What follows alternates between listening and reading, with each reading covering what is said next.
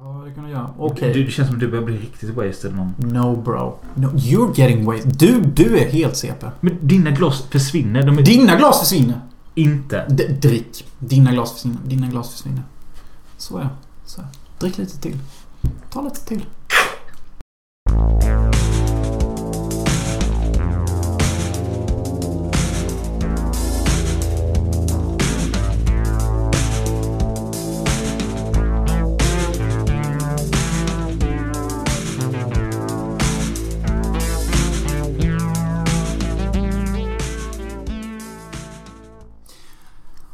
Alright, alright, alright. Hej och välkomna till Filmosofi Podcast.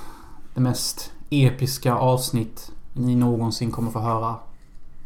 Ja, och det är som vanligt med mig, Robin Möller. Och, med... mig, Gestapo Hansen. Är, är- är det det som gäller nu, Gestapo? Ja, det är typ det. Ja. Jag bringing it back liksom. Ja, men det funkar väl. Eh, jo, vi sitter ju här i Hylte hemma hos mig. Öppnar en öl. Jonas kör sitt rödvin. Och eh, ja, du har varit i Sverige i... Jag har varit i Sverige ungefär 3-4 dagar nu. Eh, jag minns inte rätt. Så jag är back from Sweden. Sitter face to face med Möllan Mölski Robin Möller. Back from Sweden. Oh, eller ja, back from Malta. Ja, och du hade en liten snabbvisit i Amsterdam. Yes box. En dag.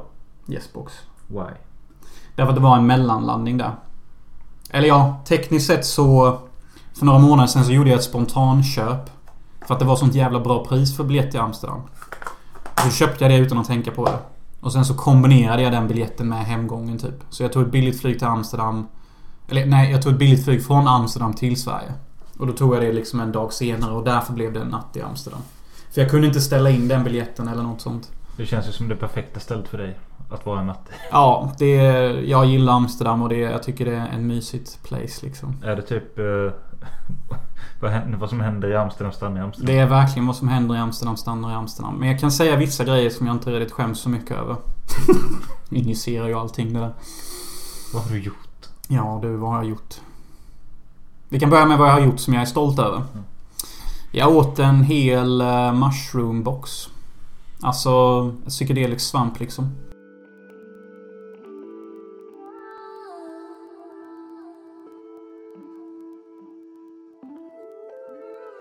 Och nu tänker ni shit vad störd i huvudet han är. Men det är inte så jävla stört. Det är liksom naturligt rusningsmedel. Det är inte så att man får en enorm bakfylla som alkohol liksom. Alltså det är jag som tycker... Jag tycker det är sjukt på det sättet att... Eh, du åker dit själv och gör det själv. Ja, men alltså jag frågade både Simon och jag tror säkert jag frågade dig också. Jag frågade min gode vän Rickard med. Alla sa nej. Och det var därför jag också tänkte att jag vill ställa in biljetter typ. Men så hade jag inte tryckt i det alternativet att jag kunde det. Så jag bara, ja, jag får bara åka då. Typ. Jo, jo. Men att åka dit är en sak. Men att ta shrooms själv i ett främmande land. Det är ju inte direkt främmande Nej, längre. Okej, glö- du förstår ju aldrig vad jag försöker komma till med Ja, såna här vad- grejer. Alltså det känns ju ganska risky att ta en psykedelisk drog. Även om du är i trygga sällskap. Men nu gör du det i ett land där du inte känner någon ensam. Du kan ju spåra ur hur lätt som helst och bara... Vad, vad, vad, om jag hoppar från denna byggnaden, vad händer då? Så är det inte. Och jag åt inte hela boxen på en gång. Utan jag åt en fjärdedel. Sen åt jag en fjärdedel till, en fjärdedel till och så slutade jag med en fjärdedel. Så jag kände ju av hur det var först. Men det tog som fucking tid innan det kickade alltså. Killen bakom disken sa att men det tar typ en halvtimme. Känner ingenting efter en halvtimme. Ja, jag har ju inte duschat sen Malta och är jättesvettig och har sprungit runt i Amsterdam och, och käkat svamp typ. Så när jag väl är klar mig inne i duschen och ska duscha. Då är det liksom den mest episka dusch av... Alltså det var, det var en biblisk dusch. Alltså vattnet strilade och ljuset typ vibrerade typ. Och jag bara typ hade genuina skratt för mig själv. Och typ såhär tvättade rent mina fötter. Jättelångsamt. Vi hade köpt en ny tvål gjord på sand och uh, cilantro. Cilantro är ju koriander. Ja, jaha, det är det. Ja. Jaha, det visste inte jag. Ja, ja. Så den var gjord på sand och koriander och, andra, och citron. Så jag använde en hel tvål. Jag tror jag duschade i säkert en halvtimme typ. En timme att det var kanske. så skönt och nice. Ja, det var så skönt och nice och det kickade så extremt då. Drog du den? Nej, nej, nej. Alltså jag pillade lite på den. Men alltså jag drog inte i den. Men vad hände sen då? Alltså blev trippen intensiv? Trippen blir jätteinitiativ och sen så går jag typ och skrattar i min hostelsäng. Och jag typ bara, nu ska jag tydligen sätta på smink på mig själv. Och klä på mig. Det här kommer ju ta minst en timme för jag är jättehög. Alltså jag kan inte ta i någonting utan att typ skratta och le och typ bara wow. Men inget obehag? Nej, nej, inget obehag alls. Alltså det, det, det som gör att det inte är något obehag, det är att det faktiskt är en naturlig produkt utan kemi. Mm. Hade det varit E, kokain, LSD, valfri drog egentligen, då hade det varit ångest. För det är inte naturligt. Det här är 100% rent psykedeliskt svamp. Från Moder Jord. Ja. Det ska inte göra att man mår dåligt. Nej. Ungefär som cannabis ska inte heller ge dig ångest. Alltså det, det är konstigt det här med just svampar. Att de här, vad heter det? Psilocybin. Mm. Eh, Det Jag dricker rödvin och jag är inte van vid det. vill du ha en öl istället? Ja, jag tror det alltså. Fy fan vad gay jag är. Du kan få Mötley Crüe-ölen. Ja, tack. Eller... Det är Löwenbrau. Eh, som enligt sägnen eh, bandet Mötley Crüe drack. Och så såg de det här ät. Eller de hade redan Motley Crue. Och så såg de på burken att det där är coolt. Vi lägger till de här prickarna. På öet. På o då. Ja. Men alltså kom det inte igen... Men alltså namnet uppfanns ju när en servitris bara Well here's a motley looking crew. Ja, något i den stil. Eller om det var Mick Mars i bandet som sa det. Men, Är det inte lite coolt att jag kan saker om Motley Crue? Jo, men du har ju också hört mig tjata om det i 15 år. Sett filmen och ja. Ja, true true. Men tillbaka till eh, trippen här att... Eh, Ja, det tar en fucking timme för mig att sätta på mig smink, klä på mig och, och rolla mig under armarna och alltihop. Och jag har jättekul typ när jag gör det. Jag typ skriver till olika människor bara alltså jag är så hög nu. Jag kan knappt sätta på mig sminket typ. och det är inte så här... ja, och just det, det ska vi fan diskutera. Varför sminkar du dig? Du ser inte klok ut. Alltså när jag såg bilderna på det bara... Jag har ju fin hy. Du, är my- du är mycket finare nu. Nej, lägg ner ägget. Lägg ner ägget. Du fattar, du ser mer ut som... Du går runt som ser ut som en sån mime. Ja, vadå? Jag är game presenter. Det handlar om att vara Men presentabel. du är fan inte game-procenten när du går runt på en... Nej, det är sant men alltså Som jag försökte förklara till uh, någon jävla, inte fan vet jag var han kommer ifrån. Uh, Grekland säger vi. För jag, jag, jag, jag, hade tagit uh, biljett på hostel Flying Pig. Och det är ett underbart hostel. Det kommer människor från världen över. Det är alltid lätt att snacka. Det hostlet har också ett eget rökrum, vilket är superunikt. För där kan man både röka cigaretter och joints inomhus.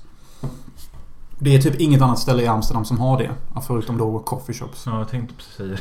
Så de har liksom en coffeeshop inne i sitt hostel. Samtidigt som de har också en bar. Så det gör det stället jävligt exklusivt alltså. Och det är billigt att bo där med. 20 dollar natten. Det är nice. Ja, och då får man ändå ett rökrum, en bar och frukost. Det är typ stil. Kom till sminknings... eh, Ja, varför jag sminkar mig? Ja. Nej men det är ju för att jag är liksom game presenter. Det följer Du mig. är ju inte det Nej men i... vad fan, jag jobbar ju så jävla mycket att det blir liksom min identitet. Så då sitter jag där och försöker förklara för honom att jag är game presenter. Titta på mig, jag är presentabel. Alltså, du, du är ett steg ifrån att typ bara ha den där vita sminkningen som du har. Så gör det lite svart så blir du som black metal medlem på 90-talet. Jag kommer från Skandinavien. Ja. Så jag kan se blek ut utan att folk ifrågasätter Men det. det såg inte naturligt ut. Nej, Bilderna du la ut så bara... Fan du kan inte gå runt så.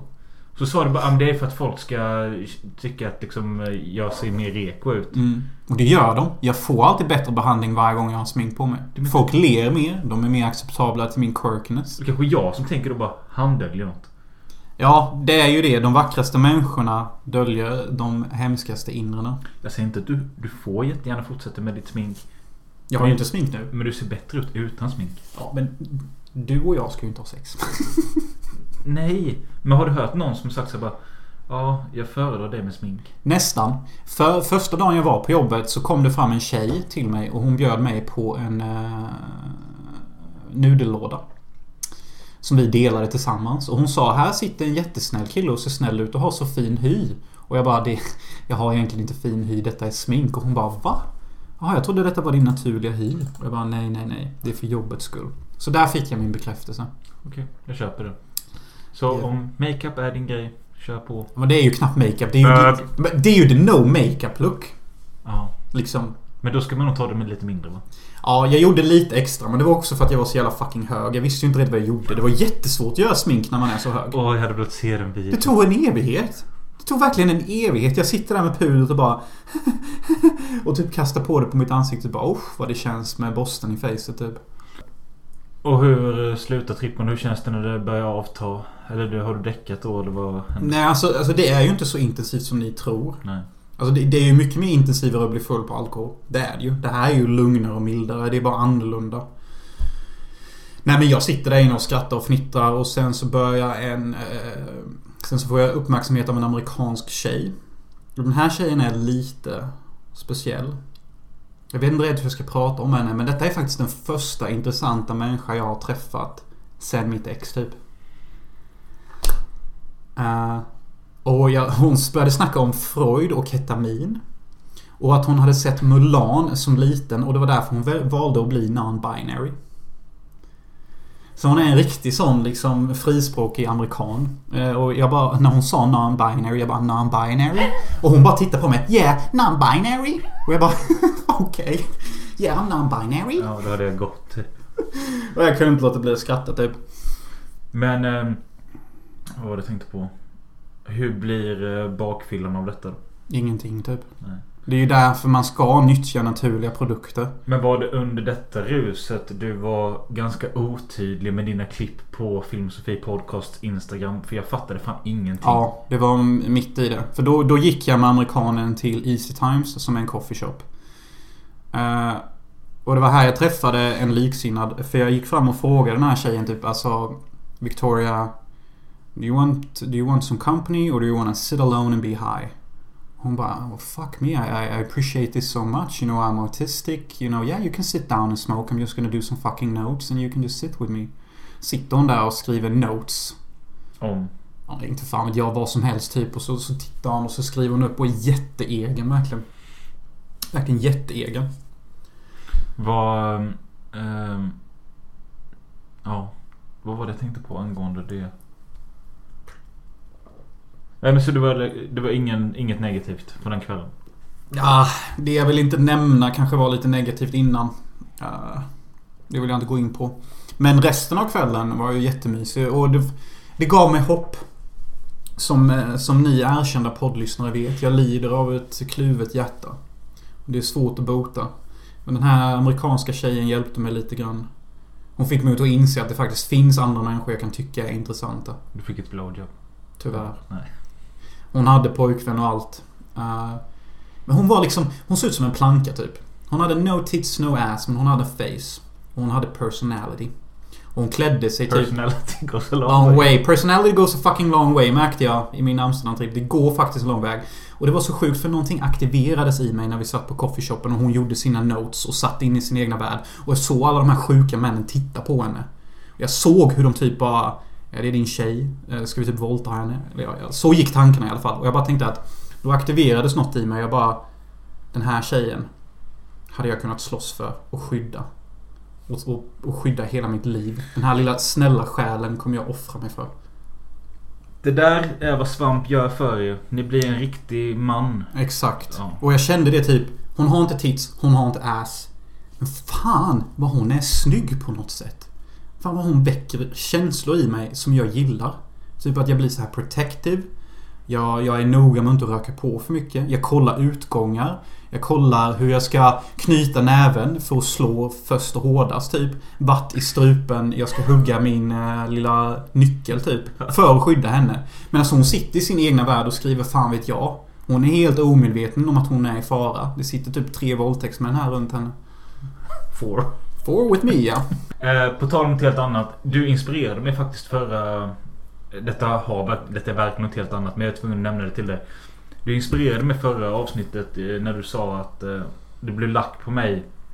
När jag satte 4,5 på the Feeble. Ja, alltså, alltså det där är dålig stil. Ja men så sa du bara så, så försökte jag förklara att på Letterboxd är det ju egentligen systemet 1-10 för det är de här 3,5 och 4,5 och sånt. Mm. Så jag gick in på Letterboxd och ändrade över 800 betyg. Nej.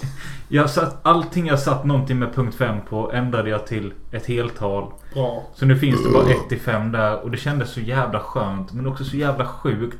För helt plötsligt gick jag typ från 25 femmer till 50 femmer.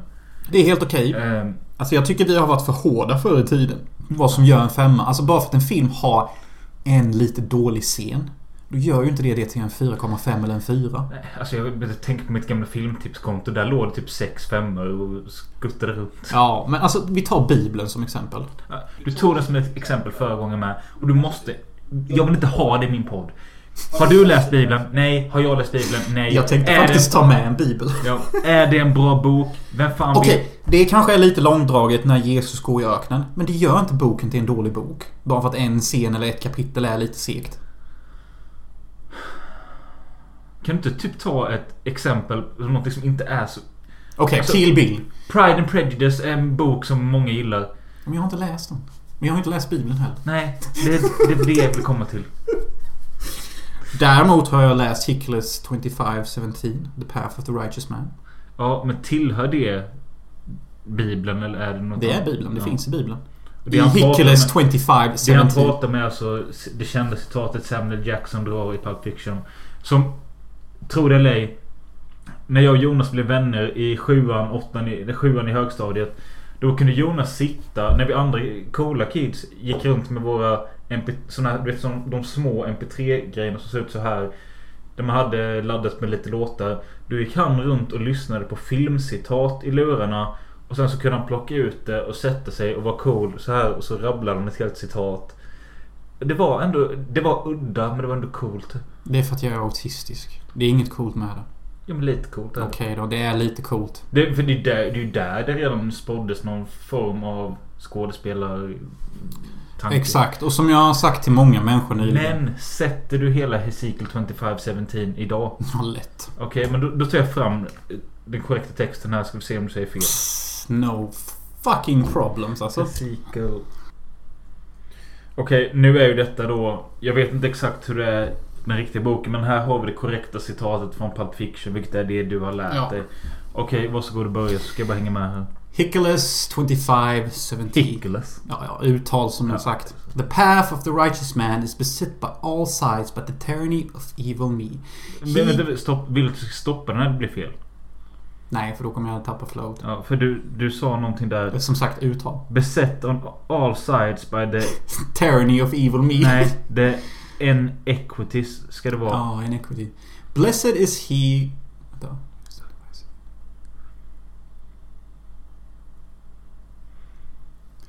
Okej. Blessed is he... Nej, nu vet ni vad som hände. Jag fick- Blessed is he who in the name of charity and goodwill shepherds the weak through the valley of the darkness. For he is truly his brother's keeper and the finder of lost children. And I will... Strike down upon thee who oppose Nej, with great vengeance. with great anger and Nej, with great fuck jag gör bort mig. with great with, ven- with vengeance. vengeance and furious anger those who attend to poison and destroy my brothers. For you will know my name is the Lord when I lay my vengeance upon you. Boom, boom, boom. Ja, Jag fick lite stage fright, jag måste erkänna det. När folk sätter mig på pall, då blir jag lite stage fright. Men jag kan en annan monolog som är otroligt imponerande. okej vilken? First I was afraid, I was petrified. I kept thinking I could never live without you by my side. But then I spent so many nights thinking how I did me wrong and I grew strong and I learned how to live along and I knew blah blah blah. So when I back from mad space, Nimadi Buchapachi Pichapachi. Jag kan hela, jag behöver inte köra. Vet du vad folk säger att jag är på jobbet? En player. Som ligger med alla. Bara för att jag snackar med alla de snyggaste kvinnorna på jobbet. Ja, men... Det är bra rykte. Vet du vad som hände sista dagen innan jag gick på semester? En random tjej kommer fram till mig, drar sin hand på hela min armbåge och frågar hur det är med mig. And you just In your pants. Yes, lite typ. Ja, men eh, vi, har inte, vi, har, vi måste komma till eh, dagens... Eh, Ja, vi måste komma till dagens krut. Men jag vet ju att ni är här för att lyssna, för att lindra er ångest. Och vi är här för att lindra vår ångest. Så det är liksom lite exchange här. Ni vill ju höra lite sup, lite knull, lite sånt. Fast det blir inte mycket knull. jag menar inte att vi... Alltså jag gillar delen när vi pratar om saker som inte har med film att göra. Men jag vet att det här kommer ta tid idag. Så vi måste hugga tag i det. Ja, det blir en episk podd. Det blir liksom... eh, Det blir som definitionen typ... Detta är typ Ondegode Fule-podden. Det är tre timmar. Eller typ... Vad har vi för andra filmer? Santiago. Santa, Satantango. Ja, Santa Tango menar jag. Santiago. Som vi fortfarande inte har sett. Men vi kanske ska se den om vi får några nya patrons. Mm. Eh, Just det, om man inte är Patreon och gillar att man kan se oss här. För detta kommer släppas för alla. Men är man Patreon. Om man blir Patreon så finns Mm. det fler sådana här videos där vi är filmade och snackar. Ja, och blir man Patreon då blir det Tattoo on my ass. Vad är det du ska ha för något nu igen? Bubbles. Powerpuff. Pingland. På ass. Asset. Ja, men skitsamma nu. Eh, vi ska göra den definitiva listan av våra topp 10 svenska favoritfilmer. De 10 bästa svenska filmerna enligt oss. Eller, Och detta är ju enligt Sverige också. Som jag sa innan. Hallandsposten, Sportbladet, alla svenska tidningar, myndigheter kan bara dra åt fucking helvete. Det vi säger här är de bästa 20 svenska filmerna någonsin. Och har vi gemensamma bästa svenska filmer, ja då är det de bästa 15 eller bästa 17 eller någonting. ja. För vi vet bäst. Vi har sett fler filmer än de där jävla tjocka fittorna. Alkohol kanske inte är din drog. Nej, det är det inte. Det är därför jag tar svamp och cannabis. Eh, jag, ska jag göra en förvarning med de här, de här specialgrejerna som är på min lista? What? Jo, men det kan jag ju faktiskt göra. Eh, Så här är det. När vi gjorde våra topp 10 eh, favoritfilmer överlag. Då hade jag med tre svenska filmer. Mm. De tre har inte jag lust att liksom ge en tid i eh, rampljuset igen. Precis som, eh, precis som heta babes vill du, vill du inte ge dem för mycket uppmärksamhet. Så de ska tro att de... Så, så de ska tro att de är någonting. Nej, precis. Så därför, de kommer vara med på listan. De kommer vara med på delad tredje, andra och första plats. Men jag har också valt tre alternativ som är minst lika bra som dem. Så de kommer med. Så ni vet om det. Så att min lista är egentligen topp 13. Och det tycker jag är fucking fair. För att jag har en delad plats också. Jag fuskade lite. Och det jag ska säga innan de kommer upp det är att det finns två Bergman-filmer som jag tycker är CP-bra. Men de, är, de slår ut varandra så de får bara dela plats helt enkelt. Och det är fucking fair för Bergman... Bergman är Bergman. Ja. Bergman är fucking Det Bergman man. Påminner jag om eh, grotesk... Kafteman. Nej, men- Bergman är Bergman. Grotesco-sketchen var... Ja, han kallades Bergman för att han hette Bergman. Ja men Kefteman, håll käft bra. Eh, vi ska göra en topp 10 danska filmer någon gång kände jag nu med. Ja, Gröna Slaktarna kommer ju vara med. Eh, Ja, skit i det nu, vi hinner inte det nej, nu. okej. Men i alla fall. Eh, Nej, vi kör topp 10 danska direkt efter detta. Spontant. Vi bara namedroppar, namedroppar. Festen kommer nummer två. Uh, ettan blir... Skit i det nu. Ja. Eh, ska det redan bli så här slirigt? Vi har fan inte ens börjat. Men jag tänkte det. Jag ville få in lite pondus, lite feelings, lite kött, lite anfäktanamma. Jag vill att ni som sitter där och lyssnar hemma ska bara shit. Topp 10 svenska filmer. Fan. eh, hela jävla världen håller på och rasar. Putin gör sin skit. Ukraina brinner. eh, Sverige går under. USA kommer inte vara en supermakt. så brinner det faktiskt i Moskva. Ja, Moskva brinner. USA är inte längre en supermakt. Och enligt Asta Kask så brann ju Ringhals. Ja, Ringhals brinner. Det är 800 grader. Och det är topp 10 svenska filmer. Ni kommer inte leva längre än 50. Blir ni 60, ja, då är ni jävligt lyckligt lottade. Men det är inte 90-talet längre. Det är 2022. Livet suger. Välkomna till topp 10 svenska filmer. Vi kommer dra honorable mentions innan eh, plats 3 till 1. Yes, box. Ja. Vill du börja eller ska jag börja? Jag börjar. För jag heter ju Börje. Och Börje börjar ju. Eh, ska vi hälla upp en whisky? Yes, box. Jag heter inte Börje. Jag heter Jonas. Vissa kallar mig för As. Fan, jag har ingen is. Nej, vilken tur att jag har... Nej, det har jag inte heller. Is i magen är inte min... Med is i magen, ett album av Asta Kask med bland annat hitlåten Robotar lev. Ehm, men den bästa svenska låten genom alla tider, förutom Vill du ligga med mig då, är ju Jag är hemlös. Av Fredrik Andersén och eh, Nils Nisse. Jag kan typ säga det med heder och samvete att jag tycker typ det är en topp 10 svensk låt. Kanske inte näst bästa, men topp 7. Topp 10. Låten Jonas pratar om är en låt våran klasskompis Fredde gjorde. Och hur gick den typ? Hemlös är jag Varenda dag. Det är bra ju. Ja. Det är det ju. Det har jag fan alltid tyckt. Och jag sa det till Fredde också i högstadiet. Bara att detta är en riktigt bra låt. Det är i klass med... eh, Vad heter den här låten? Eh, Med de som är i parken och tar knark. Stopp, kan, kan inte Stoffe? Nej... Ja, vänta... Da, da, da. Do, do, Jaha, du menar... Da, da, da, da, da, Kolla, kolla, kolla på Nationalteatern. Exakt. Det är ju samma stil där typ. Ja. Eh, vi dricker Jura Single Malt Whisky. Whisky.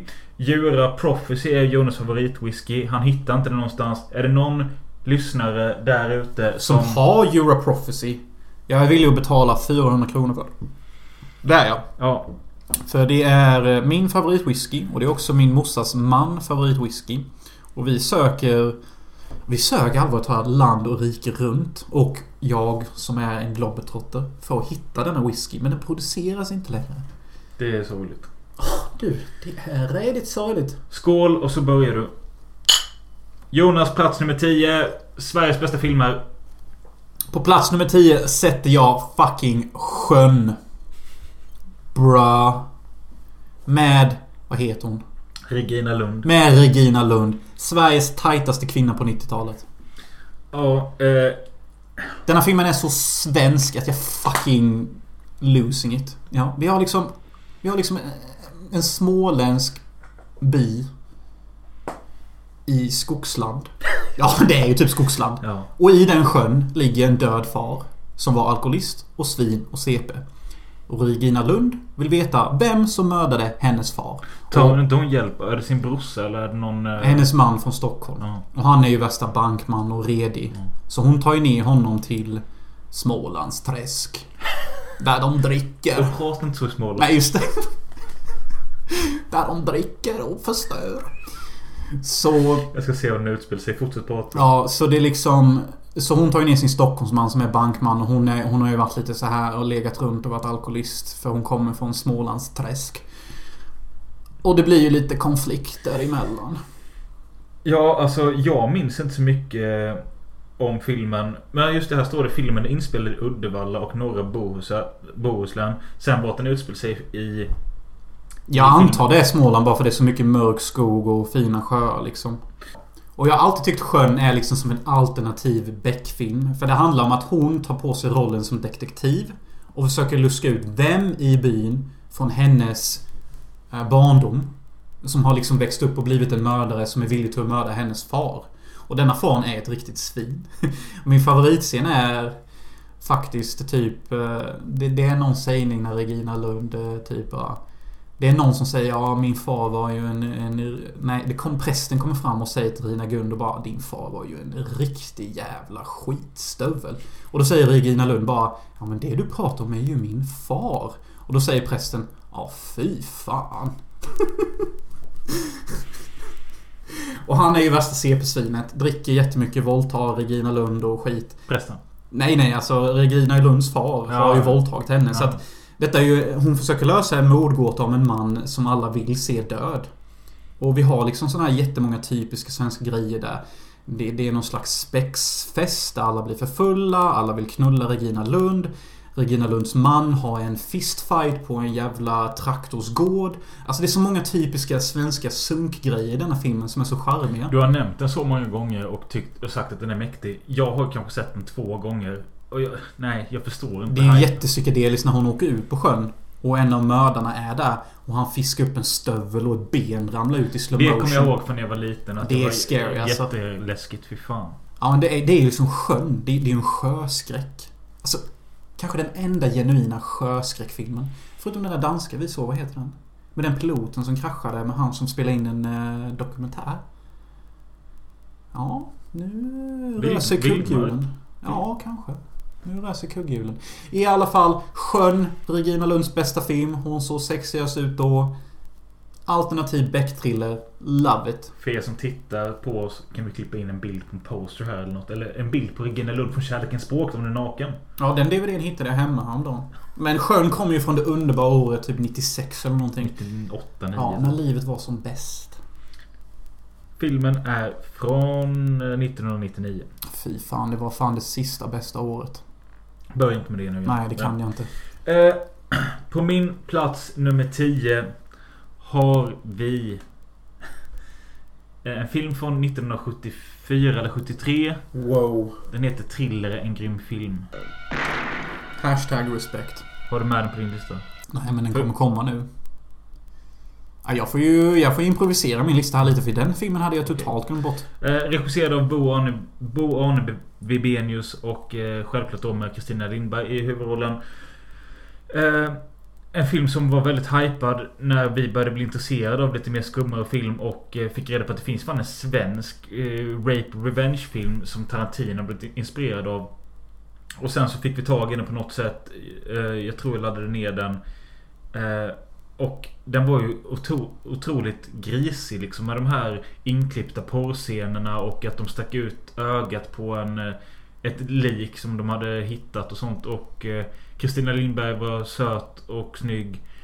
Eh, Ja, det, som, det här vet ju typ alla som är filmintresserade men det finns en scen där de använder en skalpell till att kutta ett öga. Och regissören, charmig och karismatisk som alla regissörer bör vara, har ju lyckats övertala en stackare som jobbar på ett morg, ett bårhus och bara Bro, kan jag få ta in en kamera här och filma när jag kuttar ett dödslik öga? Alltså fy fan vilken övertalsförmåga! Han gjorde ju filmen. Speech 100%. Hans eh, enda tanke med filmen var ju att dra in pengar. Han, han fattade att liksom sex och våld det är det man kan tjäna lite pengar på. Så han ville ju bara göra en sån film snabbt. Och det Mm. gjorde han. Men den blev lite större än man... Jag älskar när regissörer har den attityden. För vet, vet, vet vem som hade den attityden också? Sean S. Cunningham när han gjorde Fredagen den 13 Ja. del 1. Han sa också alltså jag ville bara göra den här filmen för att få lite cash till hyra och min fru. Mm. Eller något. Och så blir det en fucking 11 filmserie av det. Men eh, Thriller då att Jag såg ju om den igår. Eh, valde för första gången att se versionen utan de inklippta porrscenerna. Kristina Lindberg visar ju upp sig naken i filmen. Men när det kommer till sexscener så har de hyrt något par som kallades för någonting som brukade knulla på scen i Stockholm. Eh, om de fick filma dem eh, i närbilder och klippa in det. Och det, det är det som är i den osensurerade versionen.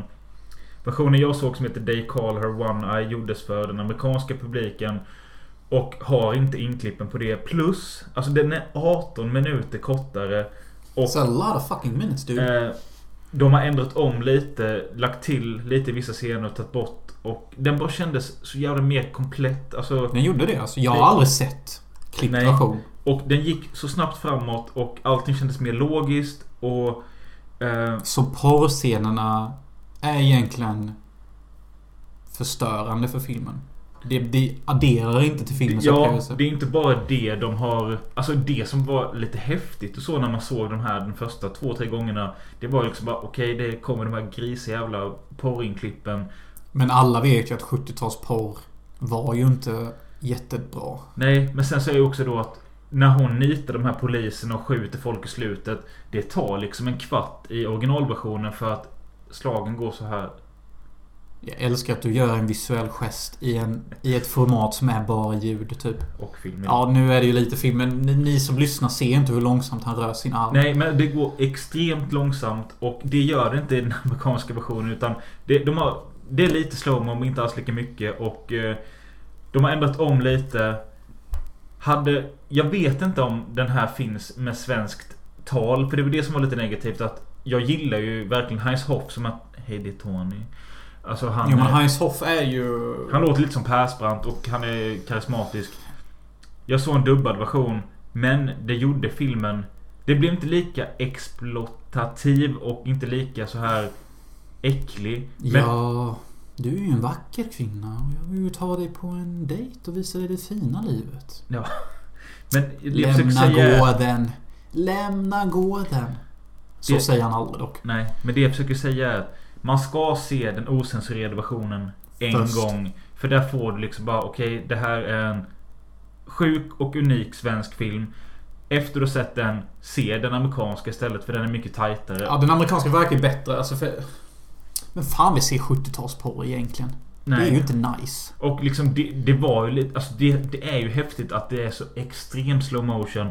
Men när du har sett det en gång det kanske räcker. I den här filmen så får du inte det. Tyckte nästan det var bättre utan slow motion på de klippen du visade faktiskt. Ja. För det är lite väl... Det är lite väl slow. Fortfarande en av de mest unika och eh, kanske mest inflytelse, inflytelserika filmerna som har gjorts i Sverige. Och den är 50 år gammal. Eh, Kristina Lindberg är grym. Jag hatar typ att filmer som Thriller och Mannen på taket inte kickade av en serie av filmer. Ja. För vi tar liksom Fistful of Dollars. Tre år senare, vi har 600 spagettivästernfilmer. Ja. Hade det inte varit hur gött som helst bara Mannen på taket. Tre år senare, 50 stycken jävla svenska actionfilmer. No. Men nej. Nej. Det är bara helt dött. Helt dött. Ingen tagga. Varsågod ta din nia. Ja, okej. Okej. Okej. Min nia är kanske Sveriges mest unika film. Det är också en film som inte slog hårt i Sverige, men fick en liten cult following i USA. Vilken film talar jag om? Som kom 2014. Eller 15. Med en cast på fem personer och en hund. Nej, jag är lost. Själanöd. Jaha. Så jävla sjukt. Jag tycker faktiskt Själanöd är typ Sveriges nionde bästa film, helt allvarligt talat. Och Det är typ det. för de som inte vet, så det han pratar om är filmen jag och Jonas själva gjort. What can I say? I recognize a masterpiece when I see it. Är det jag och Robin som gjort det, who gives a shit? Det är en bra fucking film. Ja, den, den är ju unik helt Ja, klart. och det är alltså... Vem fan vill inte se en, en, en dankad ungdom som bor i typ ett hus och knarkar med sin hund? alltså hur Men, kul är det vem, inte? vem, men den kanske hade behövt den här amerikanska recutten som Triller fick. finns vissa scener jag gärna hade kuttat lite på. Typ som när jag går runt i skogen i två minuter. Det är ganska meningslöst kutta bort det liksom. Men annars. Det har ett bra flow.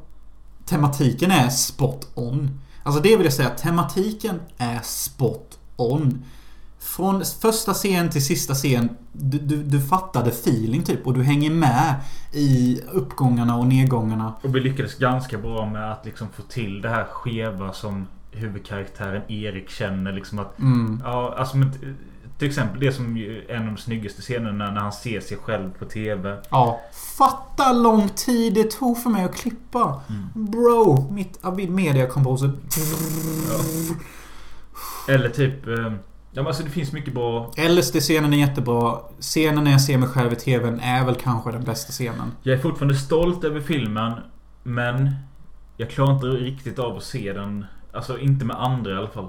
Jag tycker dock och jag tycker också om scenen när jag kuttar min kuk. För vi la typ 100 kronor på det. Ja. Och det ser fucking CP-bra ut. Det ser verkligen ut som jag kuttar min kuk. Det är mycket spyor med och även om det kanske inte ser så realistiskt ut så ser det i alla fall äckligt ut och det är Mm. alltid något. Ja, och jag sa det för 10 sekunder sedan men alltså dick-cutting-scenen är ju typ legendarisk. Ja. Det är sjukt Jag bra det ser det, ut. det fanns en eh, hemsida som hette Fanatisk film tror jag. Där en kille som heter, om det kan vara Tom... Här är några videor om som heter Fanatisk hemsida. Fan fick du på det Siri eller? fan hände det? Nej du. AI. Det, det kom fortare än vi trodde. Det, det finns en, eh, fanns en hemsida som heter Fanatisk film. Jag tror det var en eh, kille som heter Tommy Söderberg där som såg filmen och skrev recension. Så skrev han någonting... Eller ska vi citera det korrekt? Se om vi hittar det. Mm.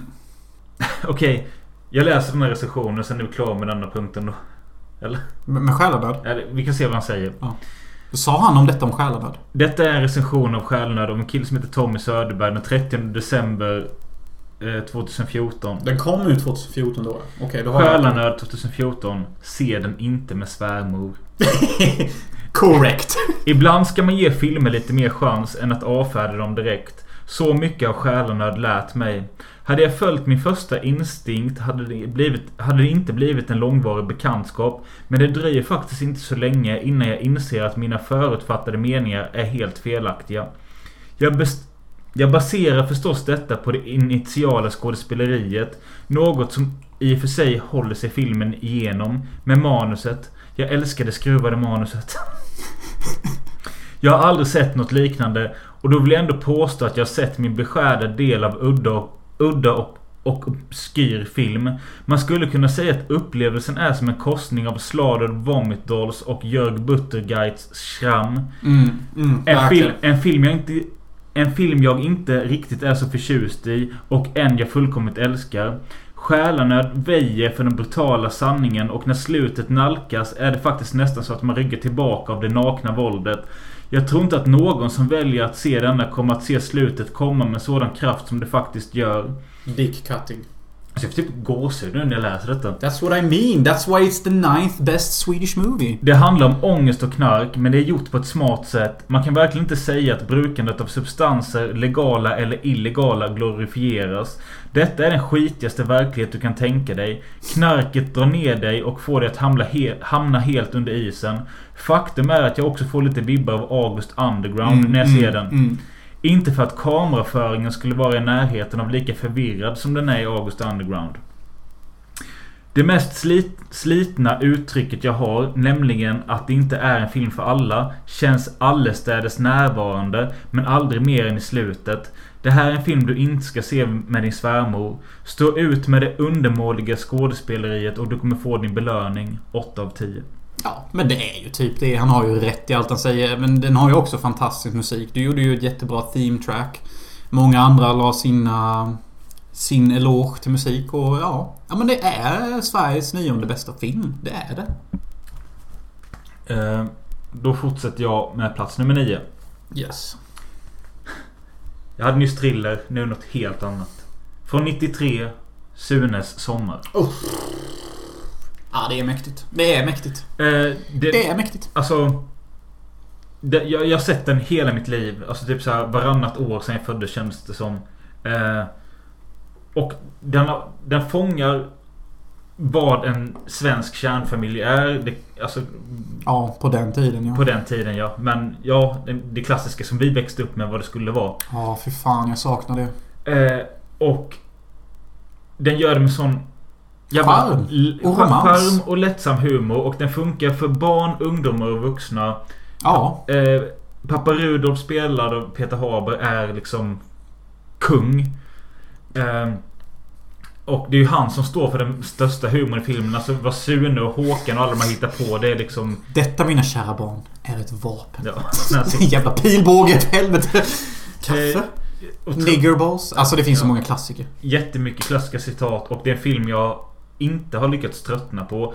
Och sen så att den fångar det här Alla som någon gång, någon gång har varit på en svensk camping eller liknande Området de är på är så jävla mysigt och man känner sig liksom man blir varm av den här miljön och den här somriga stämningen som är När de går ner till stranden och sommar, sommar, sommar spelas Mm. de ser, När mamma Karin tittar på när grabbarna spelar volleyboll och eh, Rudolf blir lite svartsjuk. Jag älskar det. Och, Ja, det är så nice alltså. ehm, nej, men alltså det är bara en fantastisk jävla film som... Alltså... Och det, precis som sjön speglar en alkoholism som är jobbigt för Sverige. Så speglar ju Sune Sommar en kaffenarkonanism. ja, just det. När Då. han har den här psykosen om att alla öppnar kaffe överallt. Bara blup, blup, blup, blup, blup. Det är ju jättepsykedeliskt typ. Bara, Jaha, okej. Han är CP-kåt på det typ. Sen så hamnar han i en kiosk där han måste ljuga för 15 svarta män typ. Ja. Ja. Nej, men alltså... Den är underbar. Det är den ju. Den borde vara med på min lista med. Men alltså, själen är bättre bra. Varsågod, fortsätt. Alright, alright. Vi kör på här typ. Vi har, okej, vi har lite, vi har lite speed här. Okej, det tänker att vi kan avhandla de filmerna folk känner till väldigt bra ganska snabbt. Okej. På plats nummer åtta. eh, Eftersom jag nämnde namn, mannen på taket innan så har jag faktiskt tre delade platser på åtta. Det får jag ha eftersom du har också tre delade platser. Okej. Typ. Och det jag vill säga här på Men min... vänta, så din plats nummer åtta är tre filmer? jag måste alltså. Jag har inget annat val annars får jag inte in detta. Nej, okej. Och du kommer förstå när jag säger det. Mm. Och jag tycker att Vargtimmen, Persona och Mannen på taket är på plats nummer åtta. Delad plats typ. Eh, du kan få prata om Bergman-filmerna för Mannen på taket hör jag med senare. Perfekt, så vi sparar den då. Okej, Vargtimmen och Persona. Det jag ska säga om Persona, jag tänker bara säga en liten grej. Det är den första och kanske enda riktiga lesbiska film jag sett, typ. Vargtimmen är ett perfekt exempel på vad jag antar är Ingmar Bergmans egna fucking hjärna. Jag ser spöken överallt. Jag ignorerar min fru och går och umgås med spöken. Det är typ tight alltså. Det är ju tight. Jag hade ju en idé av att jag skulle ha med någon Bergman-film här. Så kollade jag igenom bara vilka jag har sett och så. Och sen så bara okej, jag kanske ska se om någon. För jag såg högsta betyget jag hade satt. Det var på Smultonstället. Jag satt 5 av 5.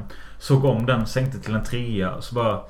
Nej. Smultonstället är inte så bra. Men Vargtimmen har ju... Vargtimmen har ju en puls. Den började jag kolla på häromdagen. Så 20 minuter. Så bara, nej jag är inte på humör. Stängde av. Bara, Det är, ju, det är ju svårt att vara lite på humör på den filmen. ja. Det handlar ju liksom om en konstig författare som lever med sin fru Konstnär är han nog. ja, på en Gotlandsö.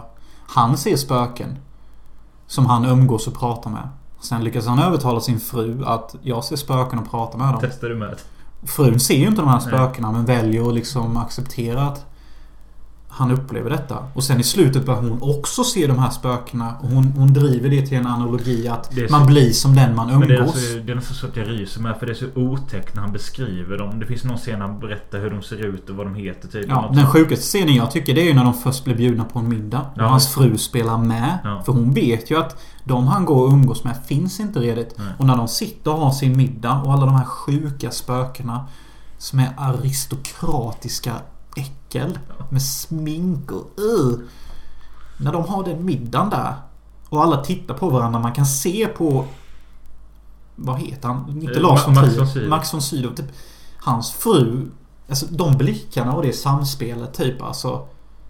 Det är fucking uncanny alltså. Den och det är- blir vidrigt mot det- slutet typ. Han psykosar som fan alltså. Och denna filmen är ett perfekt exempel på att den manliga hjärnan är skör. Och den behöver en kvinna. Också en jävligt intressant början när de eh, kör förtexterna och man i under förtexternas gång så hör man Bergman prata till skådespelarna. Alltså detta är behind the scenes när förtexterna rullar. Mm, mm, Så, ja, kameran rullar. mm. Nej, Max, gå dit. Och Mm, så, mm. Det är så jävla konstigt att han väljer att använda Men han den. gör ju så många filmer. Persona gör han ju det med. Där han klipper in en ståkuk. Ja. Och gör världens experimentella klippning i början på tre minuter. Mm, Som påminner om någonting vi borde fått se på 90-talet. ja. Så han är ju typ 40 år före sin tid och det är därför Bergman är the fucking king. Och det är också därför han dör ensam på Gotland och ingen som älskar honom. För att han är för jävla smart. Och det, det Helt är, enkelt. Alltså, jag, jag tror man har olika perioder i livet om man är ganska normalt funtad. Att du går från kanske gilla film, t- tänka att Bergman är liksom för pretentiös och för, för svår och för ångestladdade filmer som man inte kan se egentligen. Förutom då Fanny och Alexander som alla tycker om. Men den är ju CP-kommersiell. Eh, och sen så kanske du kommer in i ett djupare filmintresse där du kanske börjar förstå Bergman lite och du kanske börjar se Sjunde inseglet och sånt. Mm. Och du försöker liksom anamma det han har gjort mer och köpa det så som vi gjorde när vi var 16, 17, 18, 19, 20. Mm. Och nu tror jag att jag kommer till en fas igen där att liksom jag tycker de är lite jobbiga att ta sig igenom. Men jag förstår vargtimmen för väl och det skrämmer mig typ. Jag är rädd för att bli som Bergman. Ensam på Vårö, eller var han dog. Fårö. Fårö. En fru som talar om mig i dokumentär exfru då. Ja. Han var så komplicerad och jobbig. Ingen kunde förstå honom förutom hans demoner som han fantiserade fram. Det är jag rädd för. Att det ska hända mig. ja. Och Persona, den såg jag också om för typ ett år sedan. Och det var inte samma wow som första gången jag såg den. Men visst, den har ikonisk början och det här med...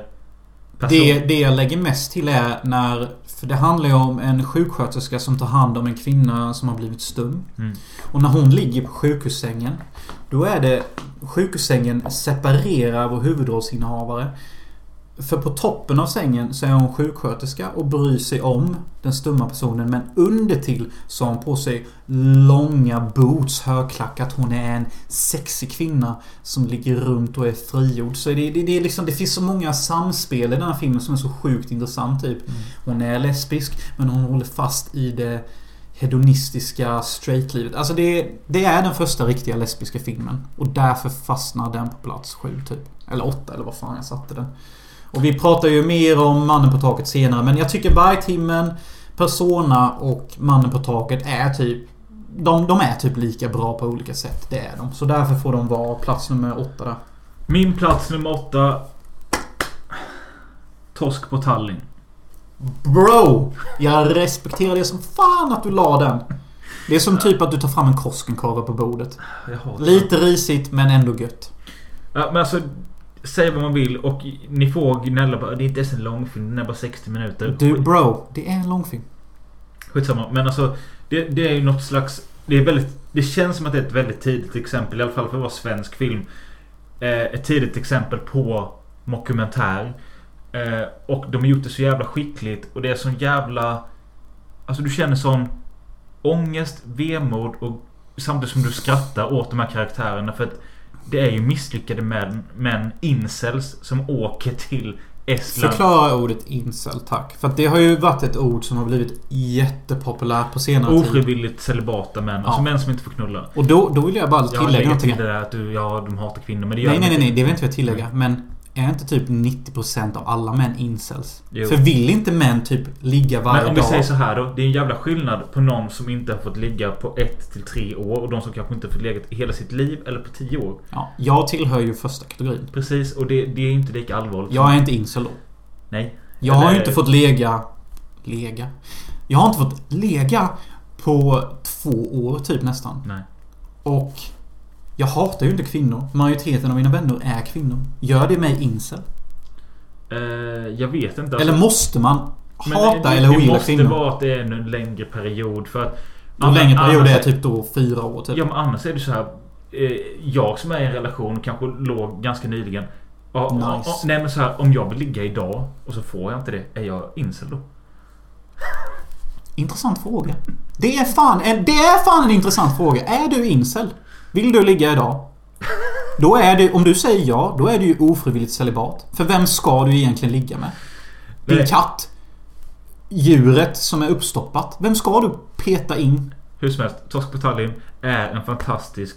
Yes. Det- Det, det- alltså- är det. Det är fan det. Den är rolig, man mår dåligt av den och det är den kombinationen som jag alltid dragit... dragit Vi har, ju, vi har ju liksom högtider från skådespelare som Percy Nilegård från Johan- Nile City. Jag måste få ligga lite så jag åker till Johan, Jo- Tallinn. Johan Rheborg, men han är inte där för att ligga. Det är ju han som har anordnat detta för att tjäna pengar. Vad tycker du om min Percy Nilegård? Ja, jag är Percy Nilegård. Jag jobbar på en brandstation men jag vill ligga Du lite. ska nog ta lite mer. Ja, jag vill ligga lite och jag vill komma här med min öl bara. Ja, jag, Jag vet, men vi har karaktärer som Lasse Kongo. Vi har Roland som eh, ja, steker fläskfilé och... Ja, det är, det är nice skit. ja. För att det är... Och också jättemycket citat. Alltså, är det här spermabussen till Tallinn? Ja. Och sen, man kan tro att filmen ska liksom säga ja nu ska vi, nu ska det bli romantisk komedi av det men Filmen bihåller sin realism hela vägen typ och de här Tallinnkvinnorna de möter de, de Do you have money? Do you... Liksom, så de, de, de blir ju mötta av en, liksom en realism att kvinnor vill ha trygghet, säkerhet och cash. En scen som alltid har etsat sig fast i mitt huvud. Det är när eh, Robert Gustafssons Roland, den här dansbandskillen som eh, lever ensam. När han träffar en eh, tjej från Estland och de ska... Eller de, han tror de matchar lite. Men sen på kvällen så tar Robert Gustafssons andra karaktär, Jan Banan. Han... Han sätter ju på henne för att Roland kan ju inte direkt göra något... Eh, vad heter det? Han stöter inte på henne tillräckligt mycket. Mm. Så då tar Jan Banan och ligger med henne istället. Och han går runt och letar efter henne. Och då hör man gitarrsolot från låten The Final Countdown som är så jävla het, hektiskt och fint. Och så går han runt där. Eda, Eda. Och så ligger de och knullar där. Wow, det där känner jag igen lite. Jag har dock inte sett Tallinn sen jag gick i gymnasiet. Kanske den vi ska dra efter när vi käkar. Ja, det, jag är fan på på lite det för att jag tycker att det, är- det är fan en solid fucking... Den förtjänar att vara topp 10 svenska. Det gör det. Det gör det Varsågod fan. och fortsätt. Ja, det var ett mäktigt val alltså. Det var det. Okej, är jag på plats sju? Mm. Ja, okej. Min plats nummer sju är... Som ni kanske inte vet, men vissa vet. Jag är en enorm romantiker. Jag tror på stor kärlek och jag predikar alltid att man ska hålla fast i den man älskar. Och jag tycker kärlek är det finaste som finns typ. Eh, Så därför hamnar en svensk kärlekshistoria på plats nummer sju. Den heter bara En kärlekshistoria på svenska. Jaha. Men jag har den högre upp så vi väntar lite. Mm. Yes. Eh, min nummer sju. Bängbulan. Den borde jag ha haft med, men jag har inte sett den sen vi såg den så jag kan... Därför har jag inte valt att ha med den. Men det är ju fucking psykedelisk Batman-film typ. Svensk, Alltså det är ju en svensk Batman-film. svensk film från 96 tror jag av Susanne Osten som... Susanne Osten? Hon heter det. Alltså ost. Gul ost. Ja, jag vet inte om man säger Osten eller Osten, men jag tror man säger Osten faktiskt. Eh, en kvinna som är mest känd för att hon gjorde filmen Bröderna Mozart. Som det var ju den filmen Palme såg innan han gick och blev skjuten. Eh, Jaså? Den Ja. var så dålig typ. ja, precis. Eh, Please kill me. Jag kommer vara i gränden om en timme. Hon gjorde filmen Bängbulan 96 tror jag det är. Eh, Hon ville att svensk barnfilm skulle vara lite djärvare och visa att liksom Barn har det inte så lätt utan det finns mörker i, för barn också. Mm. Eh, och att eh, hon tog del av sin egna barndom när hon kom ihåg att hon blev lämnad på... Alltså många av Susanne Ostens filmer handlar om psykiskt störda mammor. Vi har filmen som heter Mamma som handlar om hennes mamma typ. Den är... Hon är ju typ så här reversed Disney. För, Ja. för. Eller nej, hon hade en elak mamma va? Ja. Okej, hon är inte reverse Disney. Hon är Disney. För i alla Disney-filmer är det så här att mamman finns inte. Nej. Pappan är alltid där. Precis. Mamman borta. Så hon gjorde filmen Mamma på 80-talet, helt okej. Sen så då kom Bängbulan. Sen senare nu, ganska nyligen, gjorde hon en ganska bra Flickan, Mamman och Demonerna. Kommer du ihåg den? Har du sett den? Mm, jag såg den inte. Eh, just det, det kan jag nämna med. Jag gjorde ju en liten omröstning på Instagram där folk skulle skriva vilka deras svenska favoritfilmer var. Min syster nämnde att Flickan, Mamman och Demonerna är hennes favorit. Mm. Eh, men samma regissör då gjorde Bängbulan.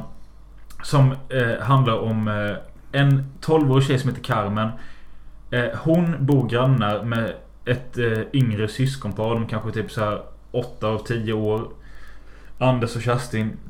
De här tre har blivit lämnade typ på sommarlovet. Det finns liksom inga föräldrar eller vuxna i bild.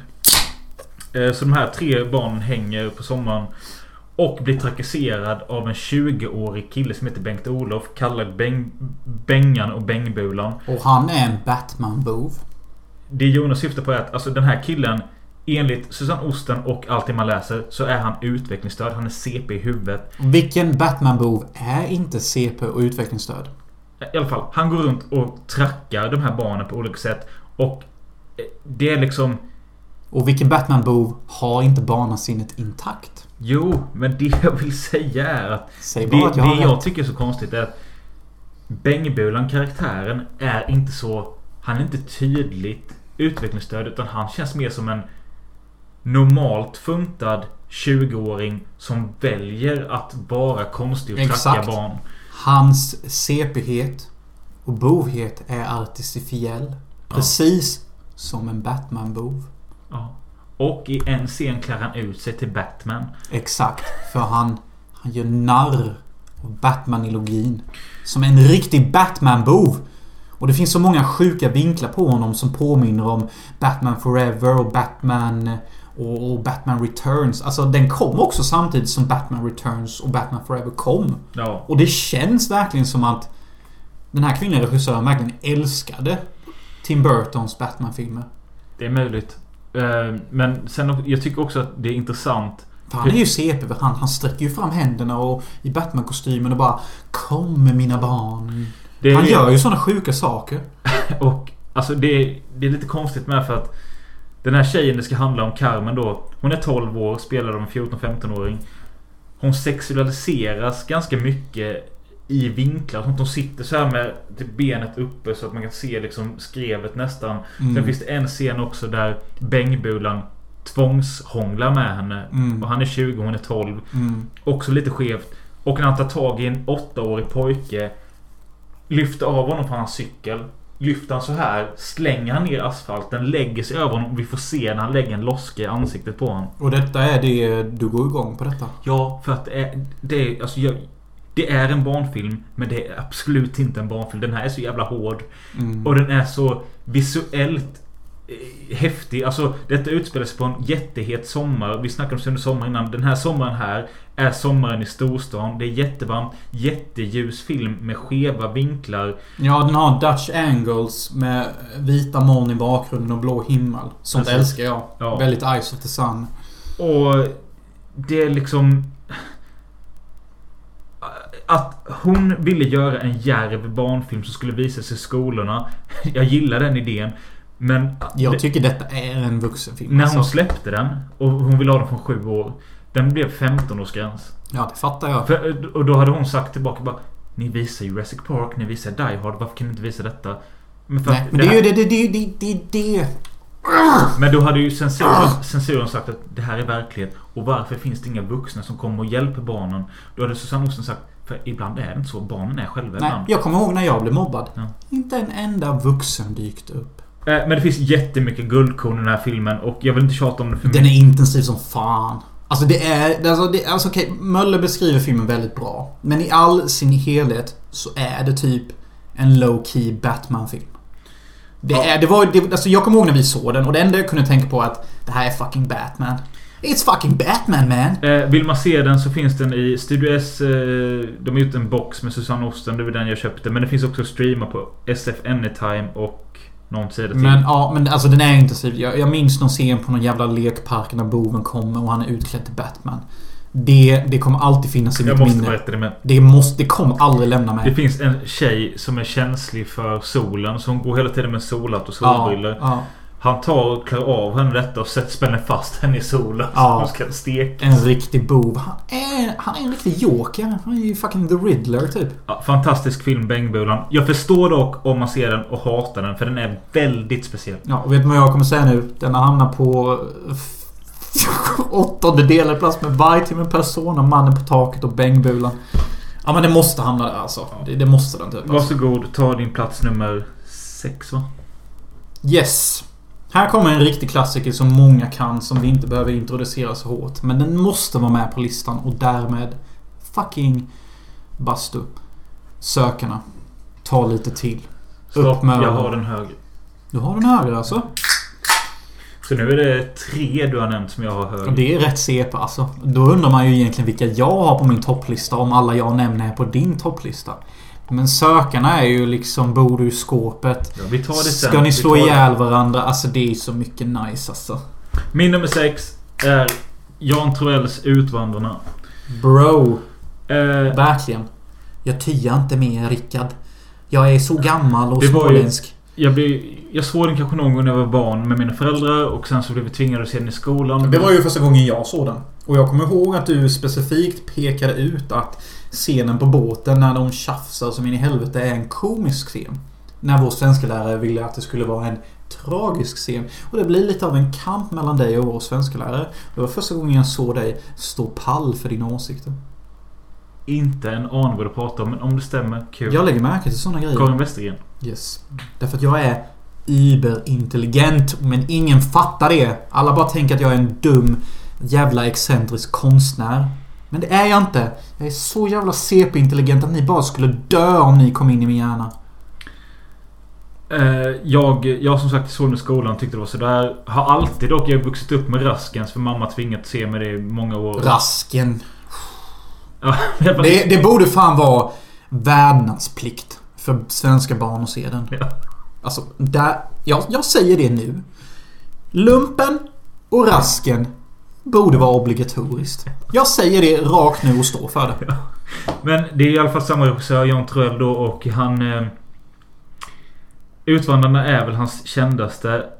Jag tycker Raskens är lite bättre men... Eh, Yeah bro. eh, Men Rasken är ju också efter, en vi gäst, miniserie. efter vi gästades av eh, Film med Joakim och pratade om någonting här i podden så sa han att hans absoluta favoritfilm är Utvandrarna. Och han hade ju ganska personliga skäl till varför han pratade om det. Och jag köper det som fan. Eller personliga skäl. Ja men han pratade om när han såg den. Bara förstod storheten i den. Och det... Efter det så blev jag sugen på att se om den. Köpte den. Såg om den. Och eh, alltså den mannen, Karl Oskar och återigen Max von Sydow. Den mannen han är i den filmen finns inte längre. Han kämpar så för sin familj och för att leva så gott han kan. Fast han inte har några pengar eller någonting och han vill bara få sitt liv bättre. Och vill till Amerika. Sen har de här sidokaraktärerna. Den lite dumme eh, Pierre Lindstedt som liksom är en bonde som får stryk och... Eh, vad heter han? Sen finns ju också det här tragiska ögonblicket när en av hans döttrar käkar upp gröten innan den har fucking eh, mognat. Och den expanderar i hennes mage som hon dör. Ja. Eh, Men detta var ju normalt i Småland för typ 200 år sedan. Ja, men det... Min mor och min mormor har ju men du, skrivit... du, du, frågan är så här. Hade du känt till det utan sett filmen? Vadå? Att man dör av havregrynsgröt? Jag menar, ja men liksom att det sånt hände förr. Nej. Nej. Det, ja, det är bra det med då. Men sen också att... Eh, vad var det jag var inne på? Nej, jag vet inte. Men jag tycker bara det det är en film om det gamla Sverige där man kämpade ordentligt. Mm. Och inte hade det så jävla lätt. Vi är ganska bortskämda med hur vi lever nu. Även om vi tycker att vi har det svårt Mm. ibland. Och jag tycker det här är CP-intressant att ta upp. För att min mor och min mormor har skrivit en bok om hur vi utvandrade under tiden då folk i Utvandrarna utvandrade. Så jag och min familj är ju en del av denna filmen historiskt sett.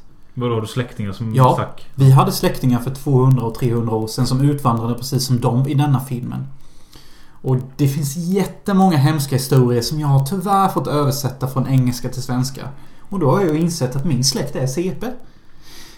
Jag ska räkna upp några. Ah, nu förstår du varför du är Ja, nu förstår jag varför jag har CP. Jag ska räkna upp några dödsfall vår släkt har haft. Okej, en person har blivit CP-full och däckat i en disktunna. Alltså vet, alltså vad heter som korg med vatten? Ja, nej, En disktunna, jag Ja, vet inte fan. Hon blev för full och däckade med huvudet före i tunnan. Så vattnet dränkte henne. Score. En annan person drack för mycket alkohol och bestämde sig för att hänga sig i en dörr. Gött. USA alltihop. Och den tredje, ja jag vet inte fan hon rökte väl för många cigaretter eller någonting. Och sen så hade vi en fjärde som var en riktig succé. Han blev sektledare i USA och sa att eh, småländska amerikaner är de bästa religiösa människorna. Är det du? Ja, och ja, det är min släkt. Vi kommer från en riktig så här självmordsbenägen sektbaserad... Allt makar sense nu. Varför är jag CP? Jo, mina släktingar tog livet av sig. De drev en sekt. De utvandrade till USA. Jag är egentligen bara... Jag är egentligen bara en produkt av min historik. Vi är halvvägs in och med det tar vi en liten paus för att pissa och sånt. Sen fortsätter vi med plats nummer 5 till 1. Tagg.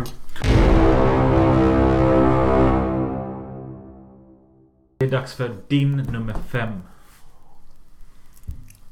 Alltså whiskyn var god, men det känns också som att den smäller till i huvudet.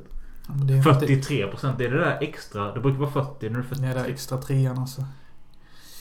Okej, jag är på min plats nummer fem. Är det? Ja. Får ju nästan bli en extra liten whiskyupphällning på den alltså. För denna är speciell denna filmen. Fan två korkar. Vänta. Mm. Lät som det där ljudet när Sunes pappa öppnar kaffe. Ja, verkligen. Det är ju den. Jag tänkte säga när kuken går ut. Är en man egentligen ärlig förutom när han just kommer? Vilken film är det ifrån? Från en teaterfilm? Alltså, vet du vad jag tänkte på först? Filmen som ingen annan tänkte på. Reality Bites. Men eh, eh, jag känner igen det som fan. Kan det vara Enda gången en man är äkta är ju de tre sekunderna Ja. han kommer. arbetarklassens sista hjälte? Är det det? Mm, Nej, men det är ju... Tape? Nej. Det är ju en svensk teaterfilm. Natten i dagens mord? Nej, men säkerligen, säkerligen. Nej, jag vet inte. Ja. Det är ju Okej. natten i dagens mord han säger Spika upp fittan på väggen! Jesus. Ah, ja, plats nummer fem är... Är kanske s- världens roligaste fucking film som gjorts. Och jag menar typ det när jag säger det. Okej, får jag gissa? Ja. Singo. Nej, men... Den hade kunnat vara med på topp 10 svenska. Men det är faktiskt hur som helst är han fucking jävligt död. Och filmen heter egentligen Hur som helst är han jävligt död. Gjord av Kjell Sundvall. Som Beckmaster. Beckmaster och han gjorde Tomten far till alla barnen. Som alla i Sverige har sett. Där blev han polare med Peter Haber och Dan Ekborg. Och Mm. säger till dem bara Alltså jag har ett litet projekt vi kanske kan göra i sommar typ. På typ 15 dagar. Ja, nej, det känns som tre, tre dagar typ.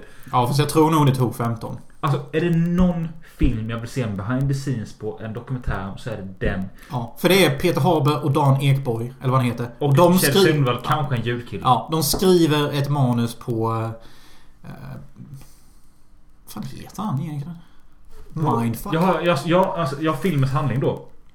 Det är ju att eh, Peter Haber och Dan Ekborg är typ författare. De träffas i en skrivarstudie. Teaterförfattare. Ja.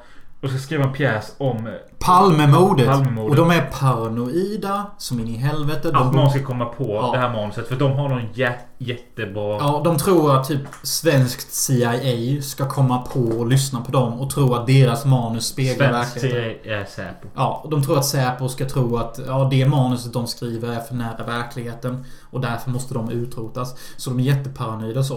Och det är sån jävla kemi mellan Dan Ekborg och Peter Haber. Jag älskar första scenen de möts när Dan Ekborg bara God morgon, god morgon, god morgon. Och Peter Haber bara Vad fan är det för fel på dig? Och Dan Ekborg Jag försöker bara bringa god stämning. Ja men du bringar inte god stämning när du kommer hit. Sen så är det ju många hårda lines när Dag Ekborg säger typ Jag har i alla fall vänner, det har inte du. Ja. Men alltså sen den här hypokondrin och ångesten Den är så Ha- Ha- jävla kul. får när han har fått eh, lite folie i magen för att han käkat en baguette med lite folie. Eh, Så säger typ Ekborg kan man inte dö och sånt där. Jag bara, "Nej, men Usch sluta. Ja, och sen äh, så bara Det heter inte folie, det heter staniol. Ja, alltså det är en sån här riktig typisk Late 90s svensk svart komedi. Alltså du vet såhär, bara dialog, bara sköna lines. Jo men alltså late night. Alltså okej. ni måste ju fatta. Kjell Sundvall kommer från Sveriges mest populäraste film. Tomten är far till alla barnen. Han har med sig de två stjärnskådespelarna från den här filmen. Och de gör en film med en DV-kamera som kanske kostade tusen spänn att göra. Ja, den här filmen kan inte vara dyr. 10 000, 30 000 max. I början av filmen har de en känd skådis till och det är Oljelund från Beck. Han är med lite. Och det finns en eh, Leif André. Eh, han springer runt och fotar dem. Ja, ja. Det är de. Sen så är det liksom ingenting och allting är bara en dialogdriven jävla fass i ett hus. Och jag kommer ihåg att du och jag såg den samtidigt efter den visades efter Psycho på nyårsafton. Mm, För det var första gången. 15 år sedan kanske. Mm. Ja, jag har alltid älskat filmen sen dess. En av mina favoritscener är ju typ hur alltid Dan Ekborg får sån damp. På Peter Haber Ja. när han säger grejer bara Vad menar du med det? Vad i helvete menar du med det? Och så rycker han tag i axeln och bara Vad fan menar du med det? Och det är så typiskt skitsvensk skådespel. Jag menar ingenting med det. Nej, men du menade någonting när du sa att du faktiskt menade någonting. Alltså det är sån här hur skitdialog. inspirerade var... För tänk att vi var 14-15 år. Såg detta och såg Arbetarklassens sista hjältar som är en pjäs Mm. med Mikael Persbrandt och Börje Ahlstedt när de spelar far och son som är döds... eh, De vill dö typ. Och vi såg detta och gjorde Röd familj som snart kommer komma på nostalgisk filmografi Exakt, Patreon. exakt, exakt. Men alltså, att se detta och sen att bara fatta, du och jag bara Det här är både kul ångestladdat. Vi kan göra något och då gör vi Röd familj som är väldigt inspirerat av de här två. Ja, det är ju det. Det är verkligen det. Och jag tycker hur som helst han jävligt att bevisa typ att om du vill bara göra komedi och drama, du behöver typ inte budget. Vill du göra action-äventyr, då behöver du budget. Ja. Men sen förstår jag också att det är jättemånga som det bara... Ja, men det, Ja, första gången jag hörde om denna filmen, det var för att jag, vi, vår familj gav faktiskt denna filmen i julklapp till en av mina kusiner. Och ett år senare fick vi feedback. Och då sa mina kusiner att sämsta skådespel jag sett, skitfilm, pallar inte. Det var feedbacken. Det finns ju... äh, vänta lite, jag ska hem... Nej, jag vet inte var den ligger. Men jag har ju köpt filmen på VHS. Men alltså det finns ju ingenting som säger att filmen är inspelad på DV, att det är kast ljud, att... Alltså att den är som den är. Men det är ju det som gör den så charmig också. Jag älskar hur B den är. Jag är förvånad att den har sänts på TV. Ja, och jag, jag älskar den här jävla potatisgubben som kommer över med fisk och Ja. potatis. Och, då, och Dan Ekborg hotar med en revolver i nacken till bara Vad fan kommer du hit för? Ja men potatisen. Ja men för Vilken helvete! jävla potatis! För helvete ställ in den då för fan! Alltså de är så paranoida så att det är så roligt. Typ. Alltså det, det är så extremt. Och sen så klipper de in prutthumor med. Ja.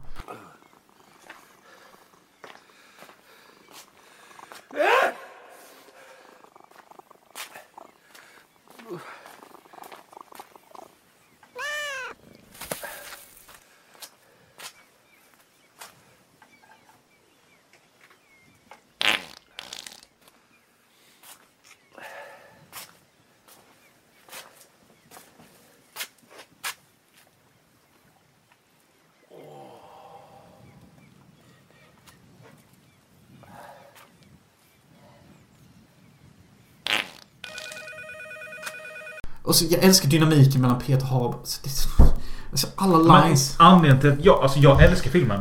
Ja. Anledningen till att jag inte har med den. Det är för Du att har inte med den!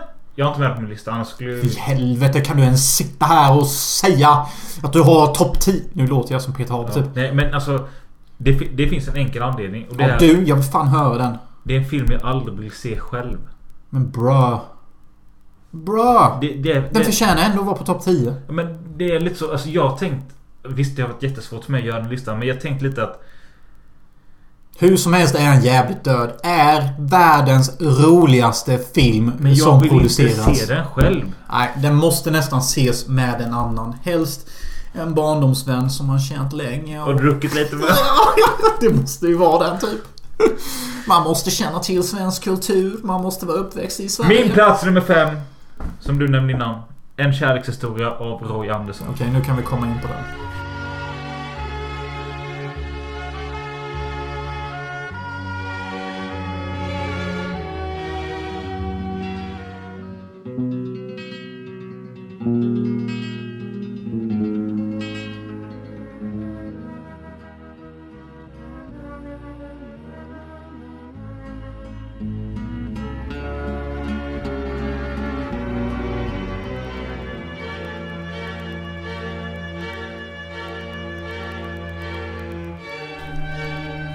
Varför är den mäktig? Jag känner bara redan nu att nu har vi klippt in lite av det fantastiska soundtracket. Som är gjort av Björn Isfält. Som jag... Isfält? Han heter det. That's a fucking name. Ja, och han är jättebra. Han har gjort musik till... Gilbert Grape.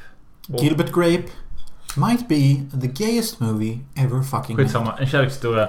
Roy Anderssons första film. En kärleksskildring mellan eh, några 14-15-åringar i Stockholm på 70-talet. Filmen är från 19- 1970. Och detta speglas då mot deras föräldrars vuxenliv. Där kärleken kanske inte är så ung och naiv och eh, spännande som det är för de här 15-åringarna. Utan när det har kommit upp i 50-årsåldern, ni har varit ihop i 30 år, då kanske det är ett rent jävla elände. Och det är det, det spe- filmen Mm, mm, mm. bollar mellan. Jag, Mm. när jag såg den nu senast. Det var tredje titeln och jag bara... Det är så gulligt och fint som Mm, det är mm, mm. när de här två är tillsammans. Och Si, si, si. innan de... Speciellt innan de börjar våga ta, ta kontakt. Okej, vad menar du? Vad menar du? Där blir det nästan så här goosebump. Wow, wow, wow, wow. What do, what do you mean? What do you mean? Vad händer här? Jag, jag frågar tittarna med dig då. I, I just... Jag vill bara veta du. Vad, vad är Nej. det som kickar igång ditt hjärta? det finns typ ingen finare kärleksskildring när... Visst, de möts på den här, en av filmens kassaste scener i början av filmen när de är på det här eh, ålderdomshemmet och eh, pojkens eh, farfar är där och flickans mormor är där och de träffas där och ser varandra i kön och så bara Mm, mm, söt, söt, ja, hej, hej. Ja, ja, ja. Innan du fortsätter. Filmen har ju något slags... Eh, precis som Utvandrarna är det ju en, eh, en blick tillbaka till hur Sverige var. Ja. Vi kunde umgås på kafferi där man rökte cigg och käkade dammsugare. Och det var normalt att umgås på det sättet. Och de här två ungdomarna möts med deras blickar. Är det en korrekt beskrivning av vad du Absolut. säger? Och så har vi då den här tjatiga jävla farfarn som bara sitter och gnäller och skriker om skinkmacka. Eller vad är det han säger? Korv, korvmacka eller skinkmacka. Men sen så helt plötsligt så bryter han ihop farfarn där vid Mm, mm, filmens mm. första scen. Och så säger han den här linen. Dagens tillvaro är inte konstruerad för mig. Den är inte konstruerad för ensamma. Mm. Och det ligger alltså bara där. Så bara wow. Den är, dagens tillvaro är alltså inte konstruerad för ensamma människor. Men är dagens tillvaro, dagens tillvaro nu konstruerad för ensam människa? Mycket mer skulle jag säga. Tycker du? Nu känns det som att alla är mycket mer en- independent än vad de var förr. Ja, men vi må vara mer independent. Men är vi lyckligare jämfört med 70-talet? Det tror jag inte. Det tror Tror inte jag heller. Men i alla fall. eh, Jättemånga fina scener. Jag skrev en recension om denna på mitt konto Molle Lista. Där jag skrev att Speciellt scenen. Det finns en scen Mm, där... mm, eh, mm. Vad är det de heter? Annika och Per. Annika och Per är det. Du är ju typ Per. Och din tjej är ju Annika. Ni är så fina ni två. Tack så mycket. Men i alla fall. Scenen de inte i början av deras förälskelse inte vågar prata med varandra. Men de är alltså... Per är ju sitt coola moppegäng. Mm. Hon är sitt hippa Ja, tuggummi- det coola moppegänget som kedjeröker. Ja. Och det var det, alltså det, jag kände mig bara... Tänk att vara 14 och åka runt. Tänk att vara 14 och kedjeröka på 70-talet. Hur fan vad cool man hade varit. Ja. Se Onde Gode Fule, ta en cigg efteråt, åka hem med moppen. Ja. Hur jävla ball är man inte? Och så är det de här, de här, det här tjejgänget som typ... Ja, de tuggar tuggummi Och att, nej men att eh, scenerna, de inte vågar bevisa, eller de vågar inte säga, de vågar inte prata med varandra. Mm. Eh, så är de ute med hans gäng och hennes gäng, de möts ute. Mm. Och så är de bara, killarna är ju bara coola som fan. De är ju CP-coola. Alltså, de... Jag tänker säga männen, trots att de är 14. De männen jag såg som rökte sig på deras fjuniga moppe är ju typ mer man än de flesta män jag ser idag. Och det är fucking sad! Vi män är sad idag. Kom igen. Åh. Hon vågar inte säga att hon är intresserad av honom. Men hon går, de går efter de här moppekillarna och eh, hon korsar de andra killarnas moppe för att komma fram till Pers Mm, moppe. mm, mm. Så lägger hon sin hand på hans sadel. Ja, det gör hon. Och det behövs inte. Hon behöver inte leda dem. Han leder den fint själv. Men, Mm. det, men det beviset så bara, Mm. jag gillar dig. Ja. Och jag tycker det är... Uff, det är så bra. Och filmen har inte så mycket dialog. så Nej, mycket den berättar. Den är rätt chill typ. Bilder och musik. Det är mästerligt. Sen kan vi dock prata om det negativa. Och det är ju skildringen av de äldre. Alltså jag tycker det är intressant att ha aspekten av att kärlek kan suga när du har kommit över 50.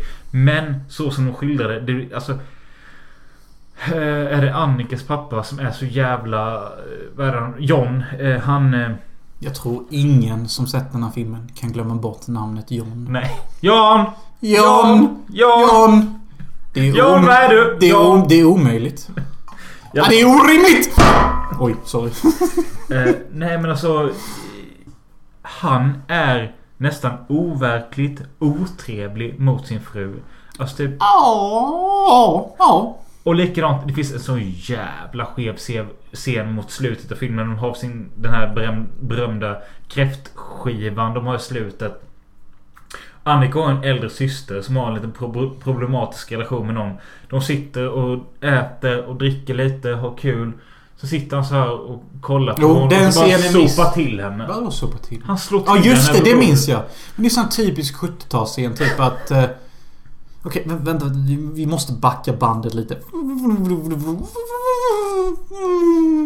Erkänner jag lät lite som en VHS där. Lite. Ja, det var typ en av mina bästa improvisationer. Bättre än fucking Christopher Walken. We're gonna back the tape! Ja. Ah, Pretty horrible. Men ja. Så den här John John eller vad fan han John heter. John är i Vinterviken. Ja, men... Det finns en scen när han först kommer till den här festen och han dricker så fan och skrattar hela tiden och en av... Han våra- pratar om sitt kylskåp. Ja, och en av våra personer säger du jävligt... eh, vilket ord är det han använder? Otrevlig, osympatisk, ohö, ohövlig. Ohövlig är ordet och han sitter och, och skrattar där. Ehm, ja, jag har ingen aning vilken poäng jag försöker göra. Fucking save me please. Nej men jag... Ja men scenen där när Pers ganska normal pappa sitter och pratar med honom för att de ska liksom vara svärfäder Mm, emellan. mm, alltså mm. den är... Han sitter bara och skrattar typ. Han sitter och drar snaps efter snaps. Ja han men, blir bjuden men på... alltså, eh, Det är ju så att Pers pappa blir irriterad på John för att han är så jävla dryg och otrevlig. Och han kommer ju sent. Han är taskig mot alla. och han skrattar utan att Ja, ha något hör något Och roligt. därför fattar ju Pers farsa då att Ger jag han tillräckligt med shots Till slut kommer han däcka så bara Skål på dig John Ja, exakt. Skål på det, och John. det är ju det här svenska. Denna, detta, denna filmen är ju inte så här typisk svensk film. mm. Jag vill placera... Jag tänker bara göra en liten inflik här. Jag vill placera några typiska svenska filmer. Och jag vill om du säger håller med eller inte Ska håller med. göra det mitt i detta Ja, ja, det går snabbt. Sune Sommar. Ja. Typiskt svensk eller inte? Typisk Yes. Mannen på taket. Typiskt svensk eller inte? Typisk Mm. Uh, svensk kärlekshistoria. Typiskt eller inte? Typisk Mm. 1420. Typiskt eller inte? Typisk Exakt. Och vår sista 1420. Typisk Sa du den två gånger? Kanske.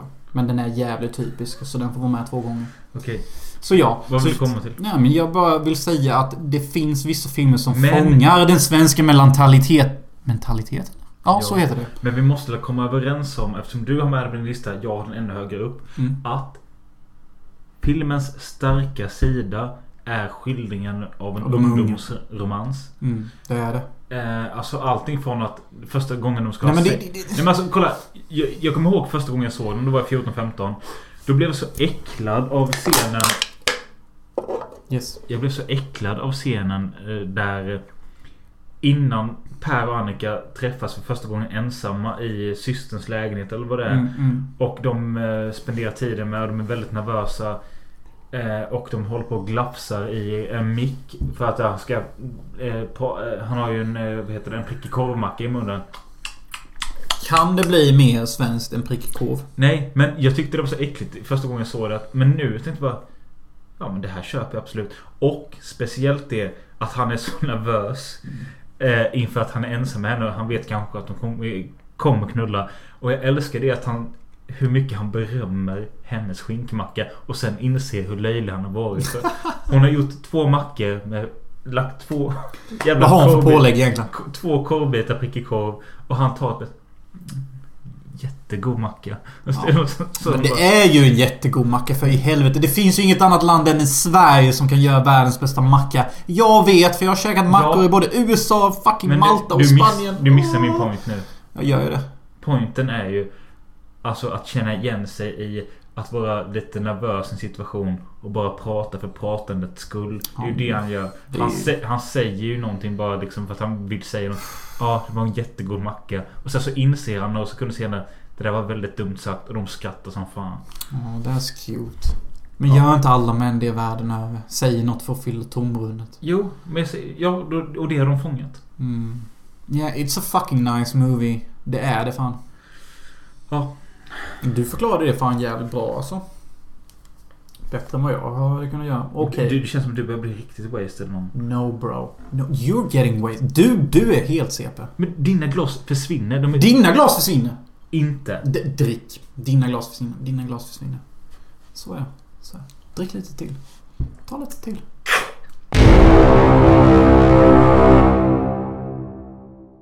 Okej, detta kommer att bli mörkt. Det säger jag redan nu. Nu byter vi tematik här i podden. It's about to go dark night. Okej, får jag chansa? Ja, det får du. Ett hål i mitt hjärta. Du har helt fucking rätt. Det är ett hål i mitt hjärta. Kanske egentligen Sveriges bästa film. Just saying it, but it isn't. Men den är CP-bra. Kul att du säger det för att jag hade ju satt en femma av fem på den. Det är en 5 Men av så var det 5. så länge sedan jag såg den så tänkte jag bara Hur bra är den egentligen? Jag Hur vet bra är den egentligen? Du, bro, din själ för, för, förändras när du ser den här filmen. I realtid. Det vi pratar om är Lucas Moodyssons eh, efter, Finns det en vidare film? Ja men kolla här. Lucas Moodysson efter sina succéer Så bara eh, Jag vill göra något konstigt, något annorlunda. Undrar om Torsten Flink har något jobb? Nej just det, det har han inte. Nej, för han är helt CP-alkoholiserad och knarkad. Jag tar han och så tar jag en kille som var med 30 november för 20 år sedan. Och så, vad heter hon? Från Tre Kronor? Josanna Bråding. Vi tar henne med. Hon är lite så halvt hypad.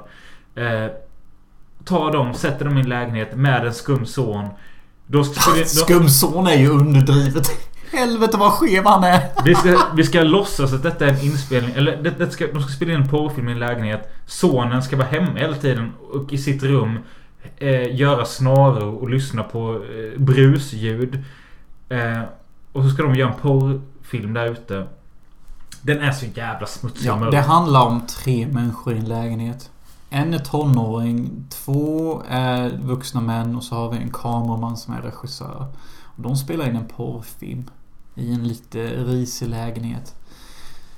Och Lucas Moodysson, Han backar inte. nej han backar inte. Och, och han baserar ju sin, sin, sin personlighet på tonåringen. För den här tonåringen i filmen sitter ju och säger i filmen typ bara i början när Eva och Adam föddes då kom det en blixt som separerade människor. Och vi blev man och kvinna. Ja, nu, nu ger jag ju mycket eloge till filmen. Alltså filmen är ju egentligen bara en sunkig porrfilmshistoria.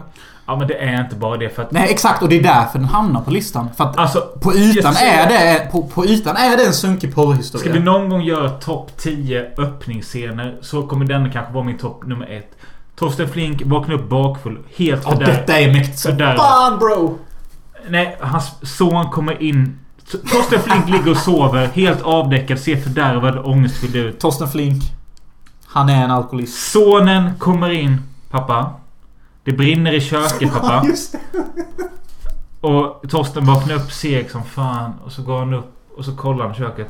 Det brinner väl för fan inte i köket din CP-unge! Ditt svin! Och det var där mitt CP föddes. Ja. Det var där det föddes typ att jag kan inte sluta säga CP efter det. Nej men alltså, den, just det brinner väl för fan till köket. kör ditt CP. det, är, det är liksom... Man vet redan där att jag är in for a five out of five. Ja. Det är bara så. Let's enjoy the fucking ride. Men sen så, du vet. Det är ju, man mår ju lite dåligt i filmen. Speciellt Sanna Bårding. Vi får, inte- vi får, inte- Helvete vad hon blev knullad. vi får inte reda på mycket om hennes backstory. Nej, men nej. när de... När, många gånger i filmen så bryts det ju till sån här Big Brother-cam. De sitter i en garderob med night vision och pratar om sin barndom och sånt. Och det är så jävla mörkt. Ja, ett hål i mitt hjärta. Ja. Kvinnan vill ha kärlek, inte dick i hål. Men sen så också det här... Denna filmen är extremt typiskt 90-tal. Fast den är från typ 2005. Ja, nej. Nej, typ från 2002 senast. Eller? 2000. Har jag helt fel här? Ja, som... ja, Ett hål. I, det, innan jag pratar vidare måste vi veta detta. Det är 2001. 2004. Okej, okej, okej. Okej. Eh, Som jag sagt innan, 90-talet spydde över lite ända in till 2006 ungefär. Efter där dog vår romans till 90-talet. Men det är ju mycket handhållet. Det är ju mycket så här Ja konstig men filmen, alltså, filmen är ju... Alltså, de Det är jättemycket skev konst. Det känns som att det luktar i rummet. Ja, ja, när man sätter på filmen, då känns det som man har klamydia själv. Jag vill också visa dig idag eh, bakom filmen som ligger på min DVD som heter Ett hål i mitt andra hjärta. Oj, oj, oj. Nu går vi djupt. Det här är... Det här är behind the scenes. På filmen och det är inte kul. Nej, det fattar jag. För att, att se ett hål i mitt hjärta är nästan som att se behind the scenes utan klipp. Alltså det är ju typ... De Det var ju- skådespelar ju inte ens i Det filmen. var i denna filmen det blev... Eh, vad heter det? det, det, det är ju en film utan det, blev, skådespel. det blev ju såna, vad heter det? Eh, artiklar på Expressen. Att Torsten Flink ville... Han behövde bajsa ner sig i en dusch. Men han Ja, var- det är det jag menar. Alltså, bro, bro, bro, Robin. Jag har ju sett behind the scenes. Och vi har ju Torsten Flink som tjafsar med regissören och typ säger saker som du nyss sa. Mm. Typ att... Alltså Lukas, vill du att jag verkligen ska skita ner mig i, i, i duschen? Så bara, nej men alltså, så, så, så, ja, ja, ja, jag vill det typ. Och så säger Bro, du har typ Fem timmar på mig där jag är överfull och nerknarkad och spyr ner mig själv. Hur mycket jävla vinklar vill du ha? Men du, du, du, det här är en ny fråga om du hade sett den. Du hade inte sett den. Jag har sett lite. Jag kommer ihåg lite av det du snackade om nu när du tog upp det. Men det är ju det, därför jag tycker att Troll mitt hjärta är så bra. För att... Han fick sina skådisar att gå över gränsen. Ja, för Men linjen... kan man, kan man också känna att han utnyttjade Han utnyttjade- samhällets bottenskrap i kändisvärlden? Typ. Ja, det gjorde han. För att linjen mellan dokumentär och film är så skör. Den är så skör. Alltså det är ju inte Det- ens alltså, film. om jag minns artikeln rätt så var det så här bara. Jag tog morfin för att bajsa ner mig. det." Ja, det är ju den. Och sen så är scenen bortklippt också. Ja. Vilket är det roligaste av allt. Jag sket ner mig i fucking duschen för din skull. Och du klippte bort scenen, ditt svin. Alltså det, det är ju därför jag älskar Det blir det väl för fan inte i köket! Det är därför jag älskar ett hål i mitt hjärta. För att den är så brutally fucking real. Det, det finns ingen mer real svensk film typ. Eh, min nummer fyra. Nu blir det mycket snällare. Okej. Mitt liv som hund. That's fucking cute. Det är typ den enda snälla film vi har haft på listan. Egentligen. Alltså småstaden. Här har du, du... Du sa att sjön kanske var Småland. Här åker lilla, lilla Ingemar till en småstad i Små, Småland. Vem fan är Ingemar? Eh, huvudrollen Anton Glaselius eh, i eh, Mitt liv som hund. Eh, han har ju problem med sin mamma för hon är sjuk och eh, hennes sjukdom har gått över till psykisk sjukdom. Så hon är, hon är taskig mot sina barn. Ehm, Såg inte vi ett hål i mitt hjärta tillsammans? men skit i den nu, vi måste gå vidare. Yes, yes. Eh, och Ingmar placeras ju hos sin morbror eller farbror eller något sånt. Morbror tror jag det är. Thomas von Brömsen. Thomas von Brömsen. MVP. Han är alltid grym. Alltså... Vilka mer filmer är han med? Eh, Mannen från Mallorca. Ja, Lust- ja. Lustvägen stor. Den jävlen. Uff, ge Albert, mig... Albert och Herbert. Ja. Låt mig ta tag i hans krage typ. Nej men äh, när han kommer dit den här småländska orten som ung osäker pojke.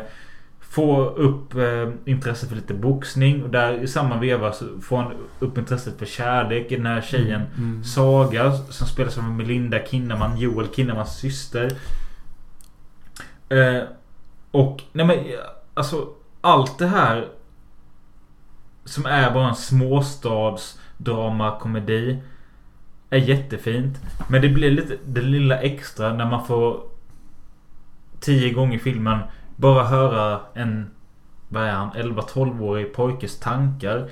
När han pratar om sin... När hans mamma har dött och hans pappa är borta. Något, så, så pratar han till oss tittare och till himlen typ om... Det där klassiska är ju att han pratar om hunden Laika. Typ att... En hund skickades ut i rymden Ja, och- från Ryssland för Och, första gången. ja, och vad tänkte Laika på när hon var där uppe och sånt? Ja. Alltså han har filosofiska tankegrunder när han är så här liten. Vad så- tror, om jag bara får inflika, vad tror du hunden tänkte som var i rymden? Om du är hunden? Undrar om det finns hundfitta på månen. Ja. Kanske. Jag vet inte. Nej men i alla fall filmen är så jävla fin. Och alltså speciellt. Alltså visst vi bor ganska nära Småland. Men Vi... Ja. Vi- vi- Jag... Du bor tekniskt i Halland. Jag bor i tillhör Småland. Ja absolut. Men alltså. Skildringen av barndom. Jag är ju svag för coming of age och sånt. Men den här. Den har komiken. Den har dramat. Jag minns bara en scen. Och det är när han tittar på en naken brud genom sitt glasfönster och ramlar Exakt, rakt in det, på det henne. första sexuella uppvaknandet när han får se vad är det hon heter? Det är ju Mimmi i, i Reine och Mimmi eller Tricka nu. Och Ja. sen så då att den, den tar plats vid... eh, Att han heter Ingmar. Så tar den plats typ 1958-59 när Ingmar Johansson som var en eh, svensk boxare.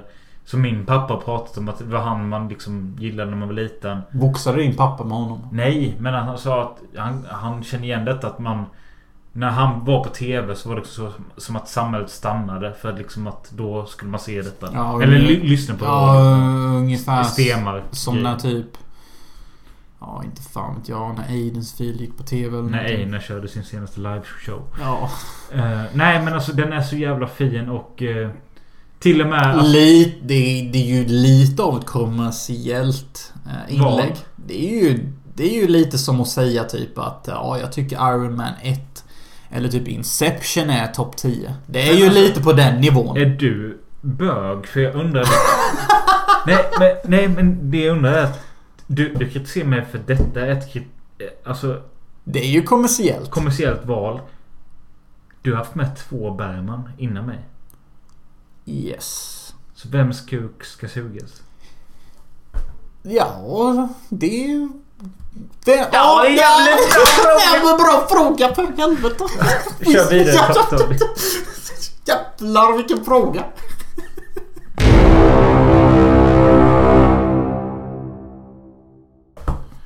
Innan plats nummer tre kör vi de titlarna som vi ville skulle vara med men som inte fick plats. Jag kan börja för jag har jättemånga. Mm.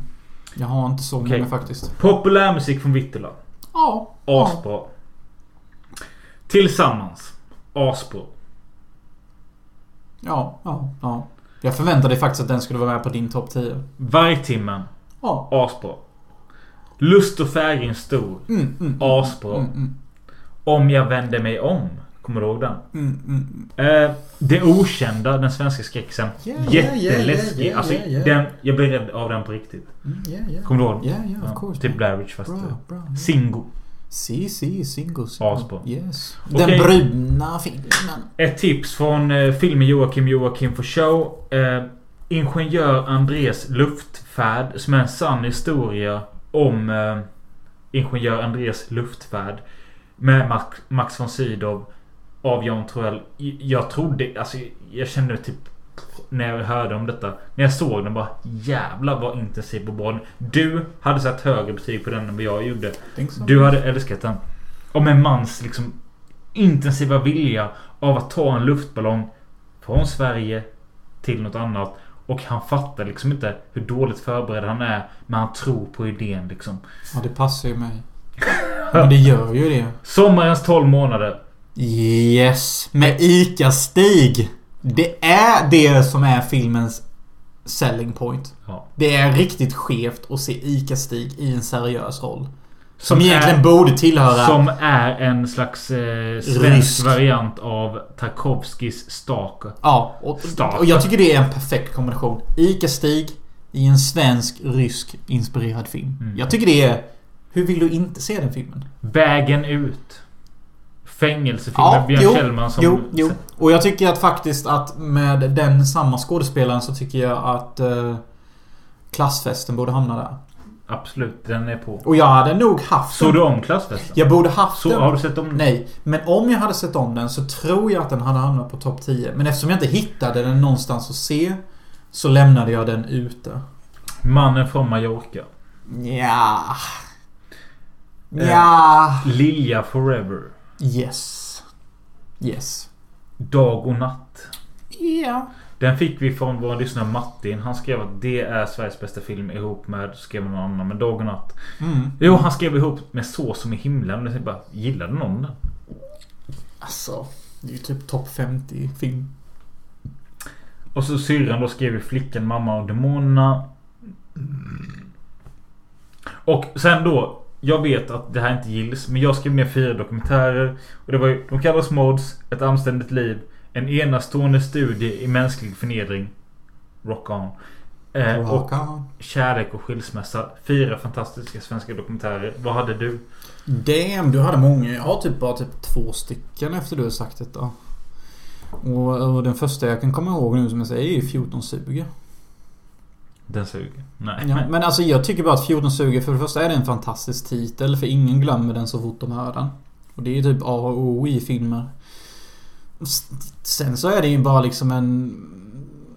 En fast fantastisk stämpel på folk som föddes tidigt 90-tal. Typ. Det finns ju ingen i vår ålder som inte sett den. Nej, och vilket är konstigt ändå med tanke på att den är så sunkigt gjord. Alltså den ser ful Ja, ut. och det älskar jag. Och jag älskar också lines som typ att man vill ju inte paja dicken. Nej. För de har liksom knutit sin mobiltelefon runt halsen. Mm. Sådana saker. Och så har de också spelat in ett eget tv-spels... Ja, just det. Så, sådana saker. Det är fan ambitiöst. Ja, det, där tänker jag typ Fan vad ambitiösa ni var där. Hade ni inte kunnat applicera det på allt annat? Den kommer ju samma veva som Hippopora. De här Mm. också. Och jag älskar Hippipora och Hippipora är också med på min uh, honorable mentions för att ja, jag gillar En de film här. som inte slog så hårt som de två var ju Sando slash Ida. Kommer Den minns jag inte ens. Jag har sett den, det vet jag. Men nej, nej, nej. Ja, men... Eh, Vad har jag mer med på honorable mentions? Ondskan är rätt bra. Ja, men alltså... Jaha, alltså det, detta är lite roligt. Jag hade typ egentligen bara en honorable mention och det var 1420. Ja, okej. Och jag tycker det är skevt för att den är ju typ rätt sådär egentligen. Ja. Men svensk film är ju inte jättebra. Så du hade jättemånga Okej. bra på din lista. Håll den tanken för nu ska jag pissa igen sen kör vi. Right! Alltså vi är on här alltså. Vi fucking köttar.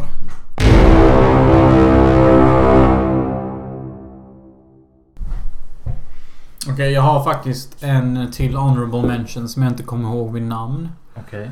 Men det är en film som arbetar mycket med skuggor och kommer från typ 40-talet. Och det är en... Flickor i hyacinter. Nej, det kunde varit den men det är en annan film. Det handlar om... Hets. Yes, hets. Det är Bergman. Eh, han har inte regisserat men... Jo, han, han regisserade men inte skrev den. Så tror jag. Jag tycker det är en fantastisk film om en, en lärare som blir i Som kallas i lärare. Caligula. Och detta är ju en av de bästa filmerna som jag tycker använder skuggor på ett bra sätt. Eh, för många filmer utnyttjar inte skuggor, vilket jag tycker är skevt. När det är ett sånt exemplariskt visuellt tillmedel att använda sig av. Kan jag vara mer pretentiös i mitt ordval? Nej. Nej. Eh, nu ska vi alltså då hoppa in i topp tre. Och vems tur är det? Du nämnde Jag tycker du kan börja för att jag började med mina topp Ja, 10. okej. Så nu är det din tur att skina. Du ska säga så här. Som jag sa i början av podden. Innan vi hugger in på din topp 3. Så vill jag, bara, vill jag bara att vi gör en liten time-out. Och jag vill att du... Jag hade nyss att jag gick och pissade. Ja, men jag vill att du beskriver dina feelings innan du går in på topp 3. Och varför det leder in till det. Alltså grejen är att jag har redan blivit så overwhelmed of feelings. Alltså jag, jag fick gåshud när jag läste upp recensionen Mm, mm. Själarna. Det är därför jag Och när vill. jag själv börjar bli engagerad i historien av en kärlekshistoria. Mm, mm. Så liksom, jag kan inte säga att jag kommer bli mer av detta. Bara det att så här fick det bli. Mm. Se, detta är det jag älskar med film. Att det är... Film är bara konst. Det är inte någon som skjuter någon annan. Det är inte någon som hissar en flagga och säger Detta är mitt land. Det är bara konst för din underhållning. Men ändå väcker det sådana känslor. Men sen är det också lättare ibland. Det är lättare att prata om en film man tycker är halvbra eller kass än någon man tycker är fantastisk. För det är någonting som du har rört dig här inne på något sätt. Mm. Och då ska du försöka få ut det härifrån ner hit. Och ibland kan det te sig platt eller kast. Så därför är det lättare att prata om något som är mittemellan. Exakt.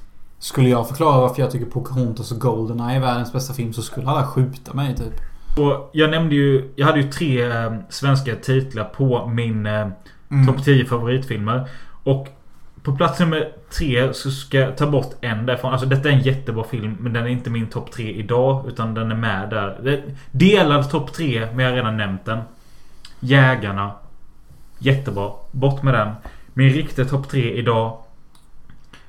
Tic Tac.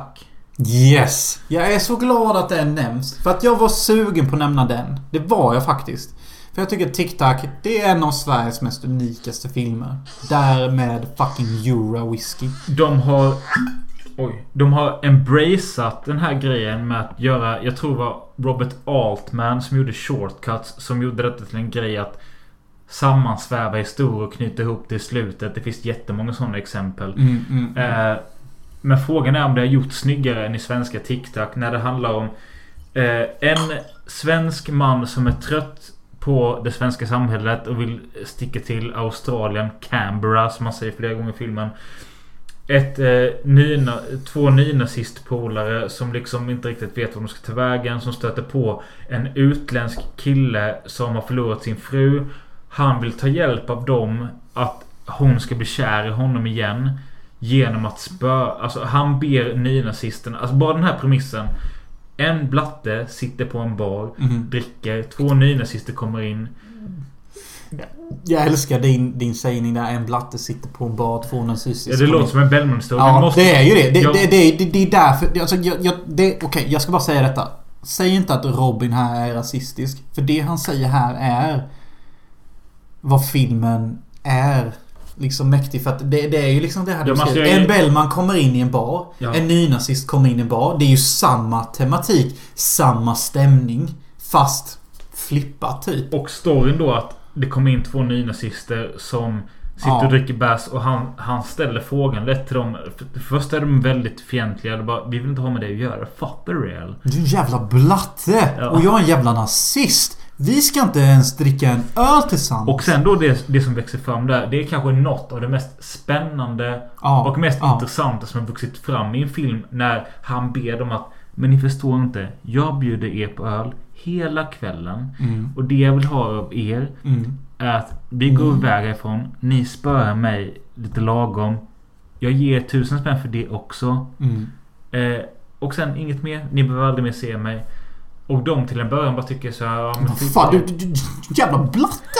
Du kan inte sitta här och snacka om att vi ska spöa dig! Och du det- är helt CP! Det mest vad heter det, multidimensionella i den scenen är att när de har suttit där och druckit tre fyra öl var. Då blir de typ vänner. Ja precis. De fattar bara att rätt skön kille. En rätt skön blatte liksom. Jag vill Ja. inte slå ihjäl honom. Nej, och det som är så jävla nice tycker jag att... Eh, alltså... Där fattar man hur tunn deras tro på nationalsocialism är. Att de kanske bara hamnat där på grund av att de ville liksom få ut sitt agg eller något. Mm. För det helt plötsligt bara... Ja men fan vad kul att du gjorde det. Det är ju en skön blatte. Och Jag vill gärna spöa dig. Helt plötsligt... Nej, det är ju, det är ju den utländska killen själv som själv känner bara att Nej, det här håller på att förbli för trevligt. Vi måste gå Mm, härifrån det, är ju, det är ju faktiskt blatten, eller utlänningen själv, som äggar nazisthatet. Och det är något så jävla bra och mörkt i det att han Ja, bara, det Nu faktiskt. ska vi gå härifrån. Alltså ni måste ju bli nazister. Ni, ni måste spöa mig. Och så Ja. säger han till dem innan att eh, Helst inte i ansiktet. Och de slår ihjäl honom. Och Ja. det, det är någonting... Jag får gåshud när jag pratar Ja, om men det. alltså det är något jävligt speciellt i den här filmen. För även fast han är typ CP-trevlig blatte. Så lyckas han ändå typ komma under skinnet på dem. Och, men även fast han ändå inte kommer in under skinnet på dem. Så är det ändå... Alltså det är en mindfuck-film typ. Det går inte att sätta bläck på Sen denna. har vi historien då med den unga, unga Tuva Novotny som precis kom från Skilda Världar och nu nyligen var med i Riket. När hon är sin traumatiserade 15-åriga högstadieelev som befinner sig i en skola med Oliver Loftén som Vem är Oliver Loftén? Som var fräsch från eh, Bat-TV-serien. Han spelade Åke där. Han Vem är fan är Åke? Åke är Bats eh, eh, nördiga kompis som inte är Lill-Erik. Men är... Va? Nej. Som- I alla fall, han är i skolan på... Där för att bränna ner den. Och där träffar han den här tjejen. Tuva Novotny. Som är där för att hon vet Hon kan inte vara hemma med sin äckliga mamma. Och eh, de båda hatar livet och hatar skolan så mycket och möts i det. Vilket också är jättefint. Mm. Eh, och så har vi då det här Jakob Nordqvist. Han som går runt med eyepatch. För att han blivit sprayad i ögat som är med sin fru. Och hatar det nya samhället. Alltså. Och de här. Ja, nej, vi har också polisen Thomas Hansson som ska lösa fallet med Jakob Nordqvist. Mm, mm, mm. Det, den är så satans bra. Alltså Det- den, det- välskriven. Bättre än... Jag har sett Robert Allman Shortcuts. Jag har sett Magnolia.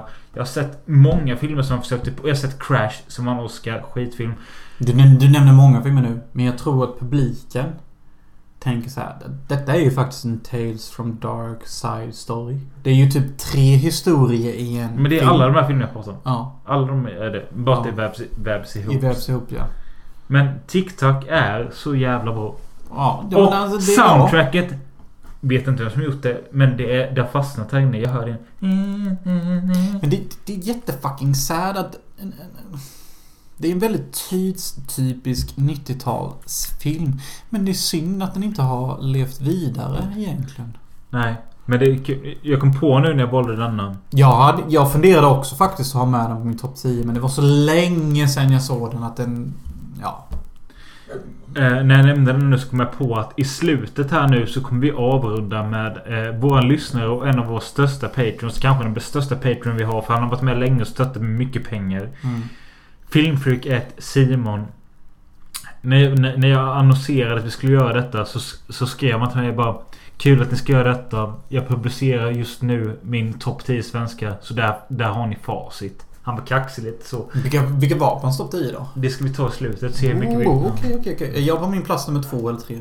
Eh, eh, två måste det vara. Bruh. We're getting close to the fucking end.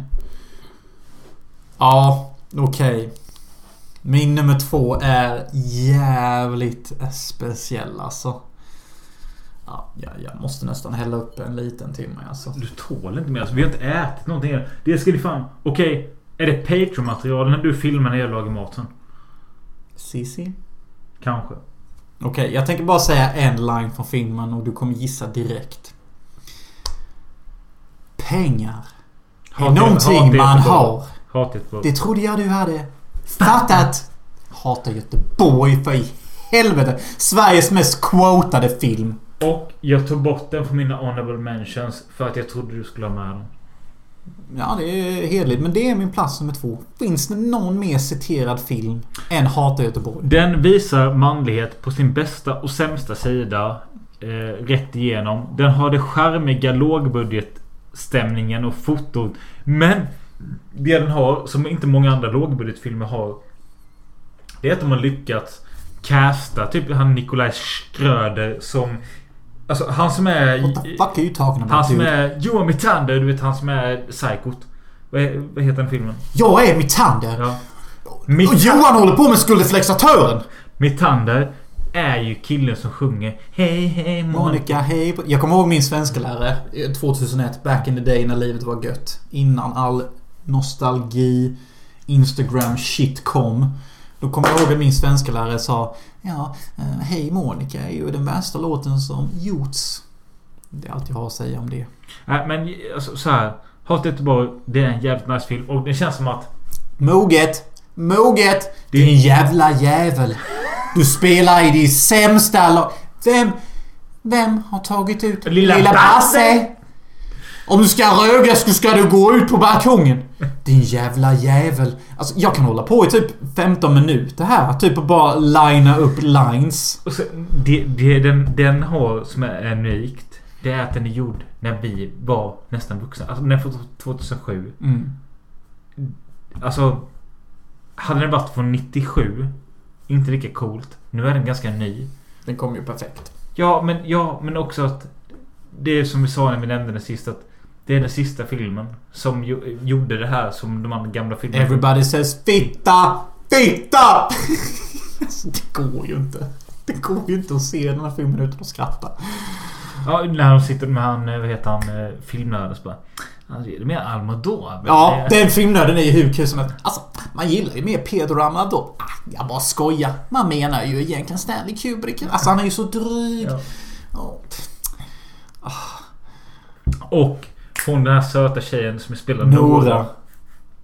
Som sen gick vidare till att vara med i den fantastiska norska filmen Yes. Fatso. Yes. Agreed bro. Agreed. Och, och, och Nora och huvudskådespelaren säger också Alltså vi har ju inte spelat fotboll med högstadiebrudar sen gymnasiet, vilket var två år sedan. Alltså, denna filmen handlar om att det kan bli jävligt illa att hamna i fel gäng. Och det du egentligen borde göra är att hamna i det söta gänget. Med de söta Men jag känner, jag känner tonåringstjejerna. också lite det så här att det är typiskt. Alltså som vi kan relatera till vårat grabbgäng. Men det är liksom typ... Hade vårat grabbgäng... Hade någon i vårt grabbgäng sagt bara men ska vi... Ska vi kanske typ joina någon firma eller något. Då hade säkert någon mer hoppat på liksom. Mm. Eh, men så som vi har haft det så har det liksom inte varit så aktuellt med sådana grejer utan men... Vad är det jag försöker säga? Att...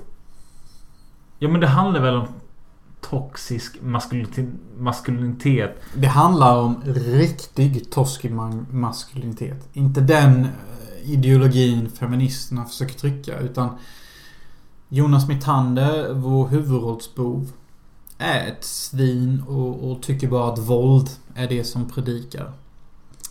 Medan vår egentliga huvudroll tycker att vi bör spela fotboll med fina damer och vara snälla Mm. och bada. Kanske skaffa något. Ja, exakt. Och... Eh, det gör filmen jävligt Men det lättillgänglig. jag, jag älskar filmen. Den var ju med på mina honorable mentions men... Alltså det är bara det att... Det finns ju ingen mer citerad film. Alltså jag kan ju jobba på mitt jobb och någon lägger en kommentar och jag dör på mitt bord. Alltså Den- jag bokstavligt talat dör av den, skratt. eh, För att någon nämner en line från filmen. Ja, men jag menar för... Jag menar att det kanske tilltalar oss mycket för att vi har varit väldigt nära den kulturen. Ja, för vi var typ som 14 filmen, när den så filmen som kom. filmen öppnar bara... Ja, Vi brukade ju gå ut till Helsingör och supa. Sen, Jävla danskjävel, spring för helvete! Jävla svin! Alltså det är såna sköna lines. Gå och nita en dansk, sno ett flak tuber och sticka liksom. Det finns en skillnad mellan mig och mitt Tander. Och det är att han är modig och jag är feg. Ja. Alltså, jag kan inte ta det. Jag, kan, jag har svårt för att ta det seriöst. Och Svante han är ju damp. Jävla skit! Ja, Svante har alltid varit lite annorlunda. Jävla skitbög! Alltså... Och så kommer den där coola killen från Göteborg, Svante eller vad han heter. Ja. Alltså, den här rätten lärde jag mig från en familj i Thailand alltså. Ja men ja, och sen så det han säger. "Ja, Men kan inte ni sticka iväg Paolo Roberto och Liam Norberg och spela lite blatte? Så var femte minut får man en line som hänger med en till döden. Alltså det spelar ingen... Alltså, när jag var hög på svamp. Jag tänkte på typ Hat i Göteborg. Jag hörde linesen i huvudet. Jag hörde... Ja, jag hörde ju typ bara du är... Du är fan sämst. Alltså man, man hör... Ja. Jag undrar vad den skådisen gör då. Så därför hamnar Hat i Göteborg på plats nummer två. Min plats nummer två. Eh, eh, det gamla valet som jag inte kommer att prata om är Farväl Falkenberg. Det nya valet är Sökarna. Bro. Bra! Plats två alltså. Ja, det kanske är det mest eh, nyskapande vi har sett i Sverige. Vi har till och med gjort en intervju med Don Fridell. För Vilket vi, jag tycker är pretty Bro. fucking mäktigt. vi, alltså, vi borde bara känna vad vi är. Fattar du? Ja, alltså så här är det. Jag har en Hufflepuff scarf på mig. Mölle sitter här och droppar lines. Och vi är inte mer kända än vad vi är. Partikatet. Fuck you. Svensk TV. F you. Anyway, continue. Sökarna är den filmen som... Alltså, jag, jag kommer ihåg första gången när min pappa sa till mig att du gillar ju svensk film och så gillar ungdomar och fight sånt. Det går någon film ikväll, jag vet inte vad det är. Men den går på TV4. Och jag bara tryckte på rec på min VHS. Och sen gick jag och la Gangsta move. Gick jag- Gangsta move. Gick jag och la mig. Sen så vaknade jag upp dagen efter så bara okej. Fan har, vad gangster du är. har jag den filmen? Sen fick, började fundera efter ett tag bara. Sökarna låter så jävla tråkigt. Det låter ju lite halvgay. Ja, men sen så bara okej jag ser den då. Och så bara jävlar vad coolt den börjar med. Life, big city life. It-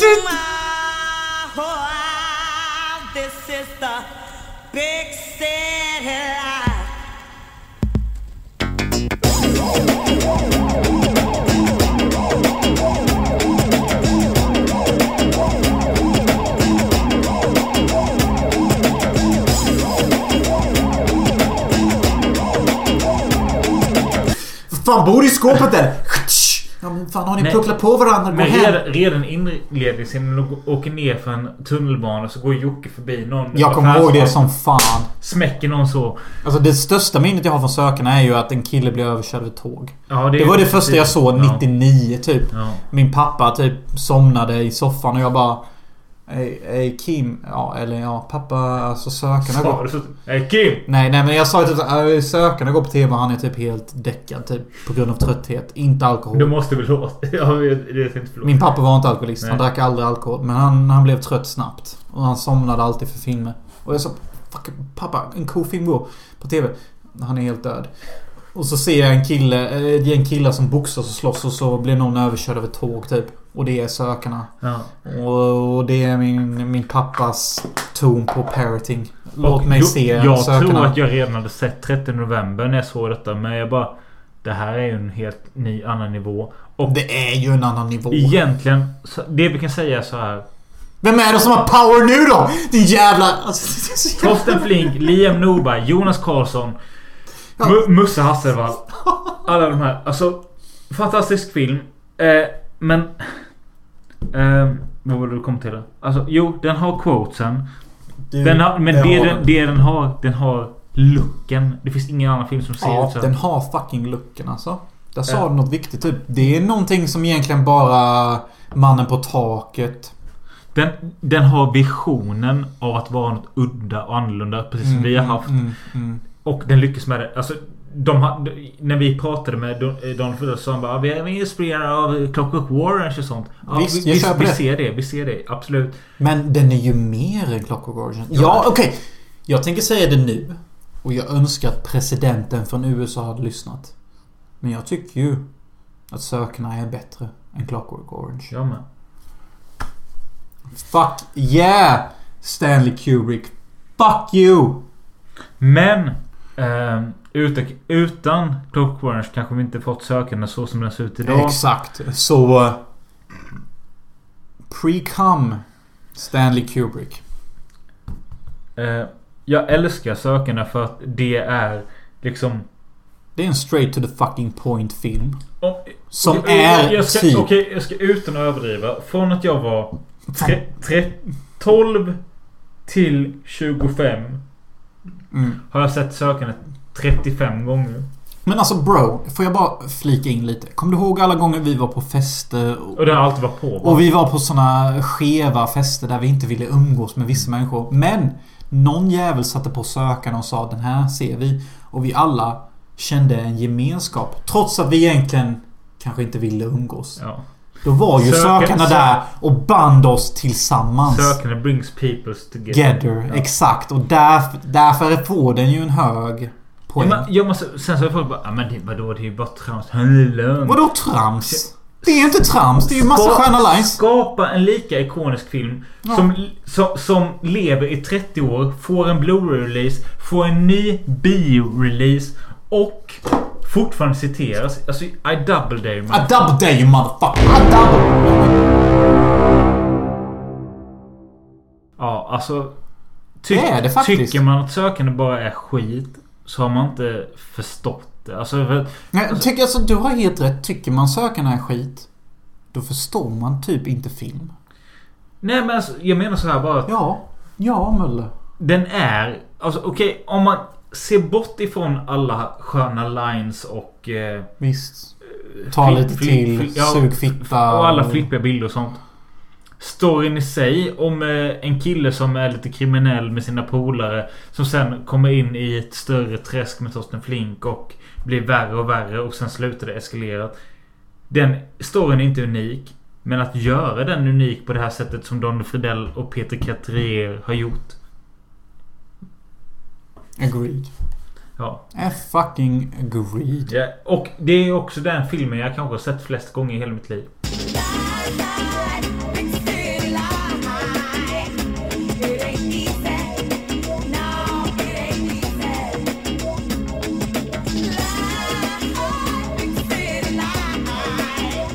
Eh, Jag tycker vi borde ladda upp med någonting lite här kanske. Ja, Whisky. Ja, hade man eh, kunnat få en annan öl hade det varit trevligt. Ja, men tack så mycket.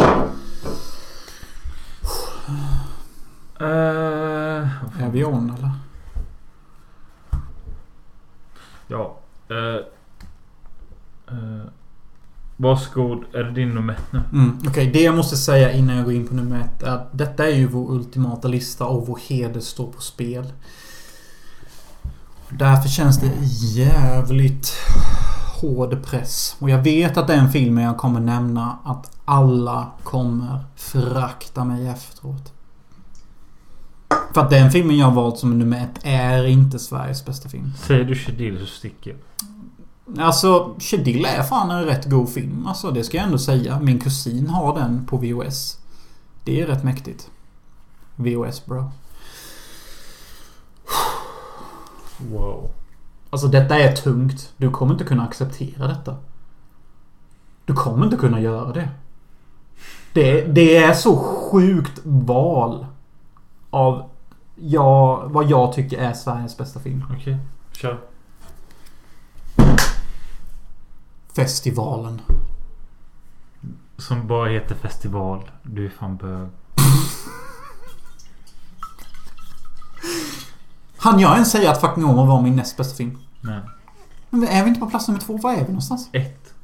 Men jag- det- Eller var, det, var detta två menar du? På min plats nummer två ligger ju Fucking Åmål. Jag har inte ens nämnt den. Nej. Okej, vi kan klippa bort detta. Vänta, är vi inte på plats nummer... Var är vi någonstans? Jag ska säga min... Du ska säga din plats nummer ett. Du har inte sagt två. Ja, vänta. Sa jag hat Sa jag Fucking Åmål? Hat Göteborg eller Potom?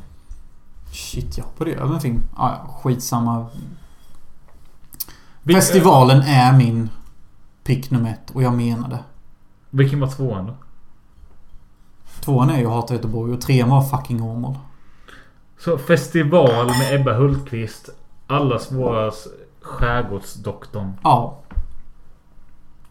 Jag ska ta en sipp. Jag vill att du tar en, en djup klunk. Och jag vill att du tänker igenom vad jag egentligen har sagt. Jag vill inte att du bara börjar språka rakt ut och kritisera. Jag vill att du faktiskt tar din tid. För att komma på en genuin Fuck you, det är inte världens bästa svenska Okej, film. fuck you. Det är fan inte världens bästa film. Exakt, det är det jag vill höra. På grund av att Visst, den fångar den härliga känslan att åka på festival med sina polare. Absolut. Är inte Ebba too tight to be true? Ebba Hultqvist var ett runkobjekt för all, all, alla mellan typ 15 till 45. När hon var med i eh, Skärgårdsdoktorn. Jag vill inte säga det för hon var säkert mindre där. Men så var det. Sen så gjorde hon eh, festival där hon var lite äldre. Där var hon barely, barely legal. Fast hon var legal. Hon var Drew Barrymore, helt enkelt. Men alltså det är inte det. Alltså, det räcker inte att hon är ett runkobjekt. För så jävla snygg är hon inte. Men filmen i sig är... Alltså jag som har varit på flera festivaler och tycker festival är kul. Alltså, bro, det- bro. det- det- den den- har så många låtar. Den har ju... Vad heter Det han från må- Göte- Det var chef, chef, chef, chef. Du måste vara blind. Blind, blind, blind. Och sen så har vi den här stjärnan. Varför har du så många backspeglar? Jag vill bara vara cool liksom. Jag har fem backspeglar här, jag har tre backspeglar. Du kommer ju ihåg den Ja, scenen. och Sverige Gudnad som, som liksom typ eh, han får ligga med en amerikansk reporter. Ja, de och sen så har vi ju vår huvudperson som är rockstjärna. Bara, Åh, för helvete. Mark. Ja, för helvete. Du kan inte gå! Du kan inte gå nu! Så låter han Ja, för helvete, jag vill inte ligga med mer svenska horor. Jag vill ha en riktig kvinna. Och hans producent är ju du. Ja. Men Mark, nu måste du... Mark! Mark! Nu måste du knulla lite. Du måste knulla lite. Du, du, du måste upp och prestera. alltså jag vet inte vad det är med en festival. Men den talar till mig. Den är B, den är skit. Den är tråkig. Men! Den har det här svenska typ. Den har det här... Den, ja, absolut. Den har det här gråsvenska. Jag köper att den är svensk. Men att du väljer bort den framför många andra du har valt här idag. Det gör dig psykstörd. Bro! Bro, bro, bro, bro, bro, bro, bro, bro! alltså jag måste ta hand om min guldfisk. Som är i denna... Och wow, vilken jävla plotpoint. Och shit, vad hände med den? Fuck.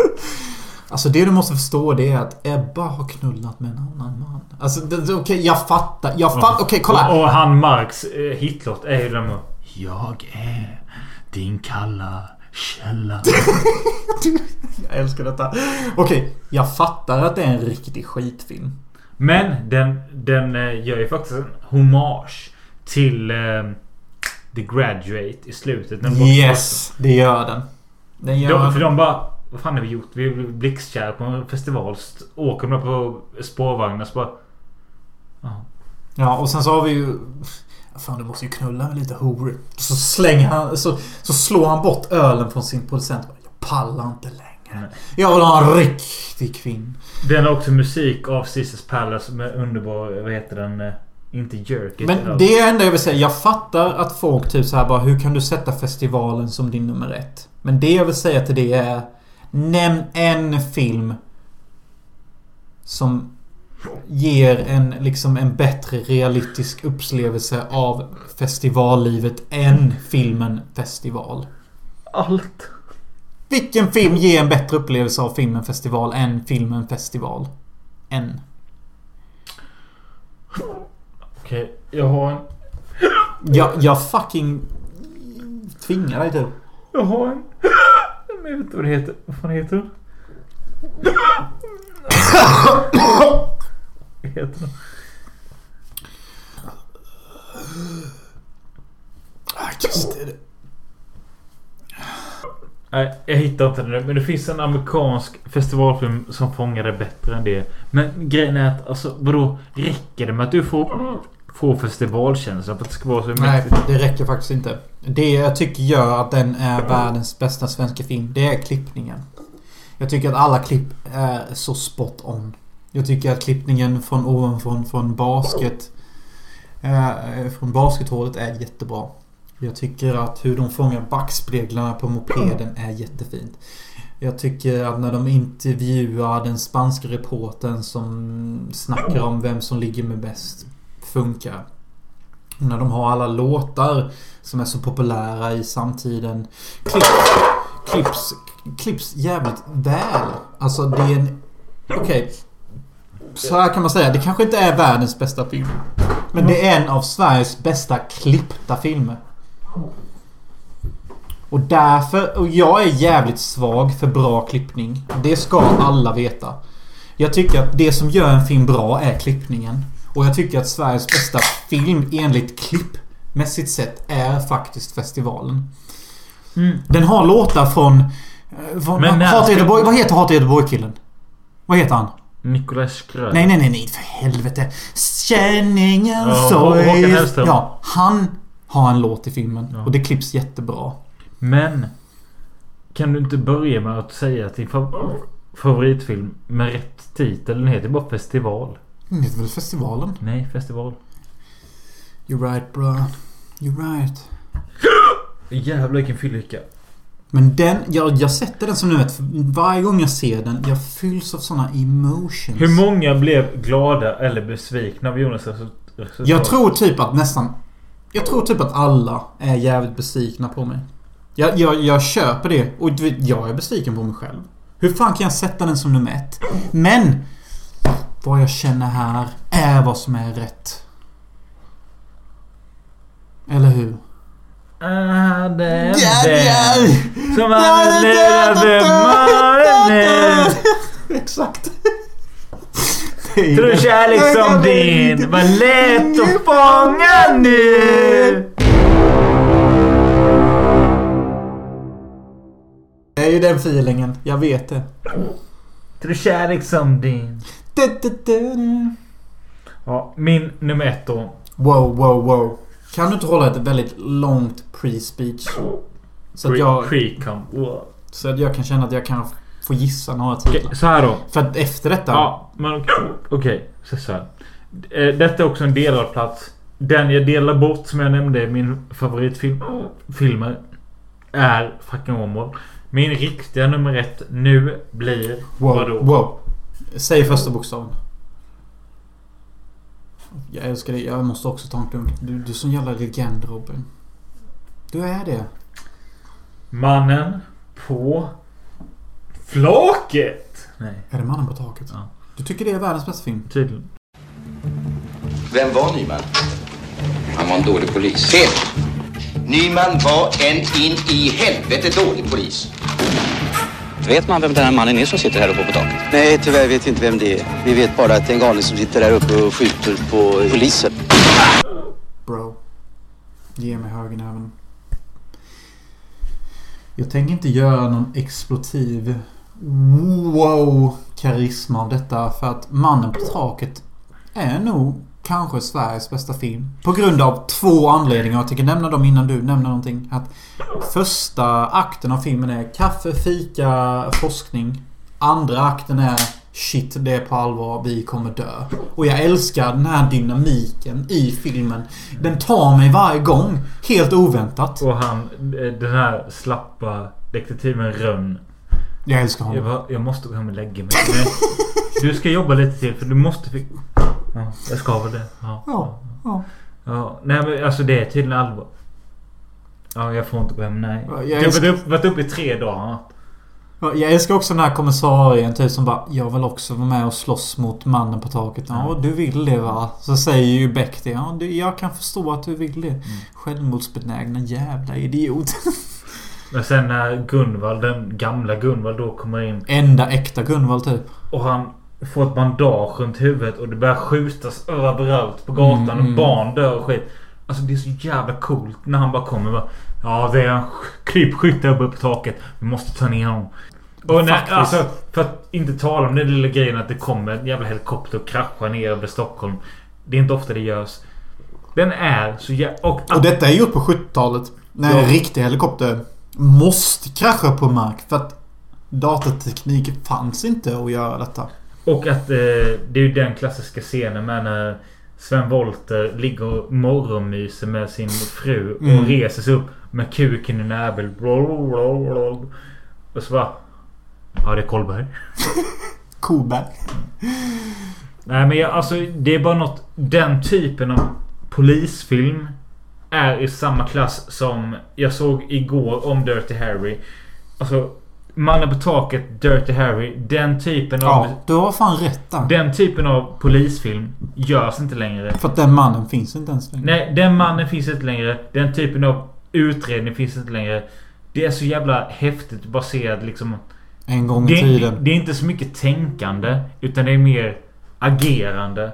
Och sen så liksom bara okej, agerandet gick för sakta. Nu skjuter de faktiskt folk på gatan. Det finns en klassisk scen när man är på taket när barn springer omkring en barnvagn. Kommer barn flyger. De blir inte skjutna men det ligger verkligen en krypskytt i centrala so- Stockholm Mm, och mm, skjuter mm, ner. mm. Hur ska du stoppa det? Mm.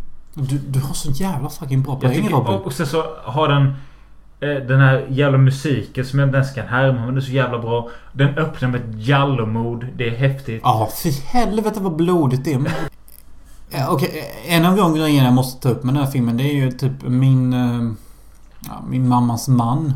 Hon sa, eller han sa... Vad sa han egentligen?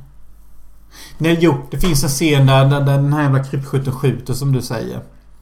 Då säger en av poliserna för att ett barn ligger på gatan typ ah, här är kul. Och då säger ju en av poliserna om du inte sticker härifrån får du stryk! Ja. Och då springer barnet direkt. Ja, men så, så hade det nog varit verkligheten Och med. det är så helig klassisk uppfödan. Ja. Att typ ett barn är mer rädd för att få stryk än att bli skjuten. Ja. Typ. Och, Fattar inte det på riktigt. Ja, Mm. och sånt älskar jag att se i gamla filmer när en polis typ... Han är skjuten i benet. Han ligger på golv...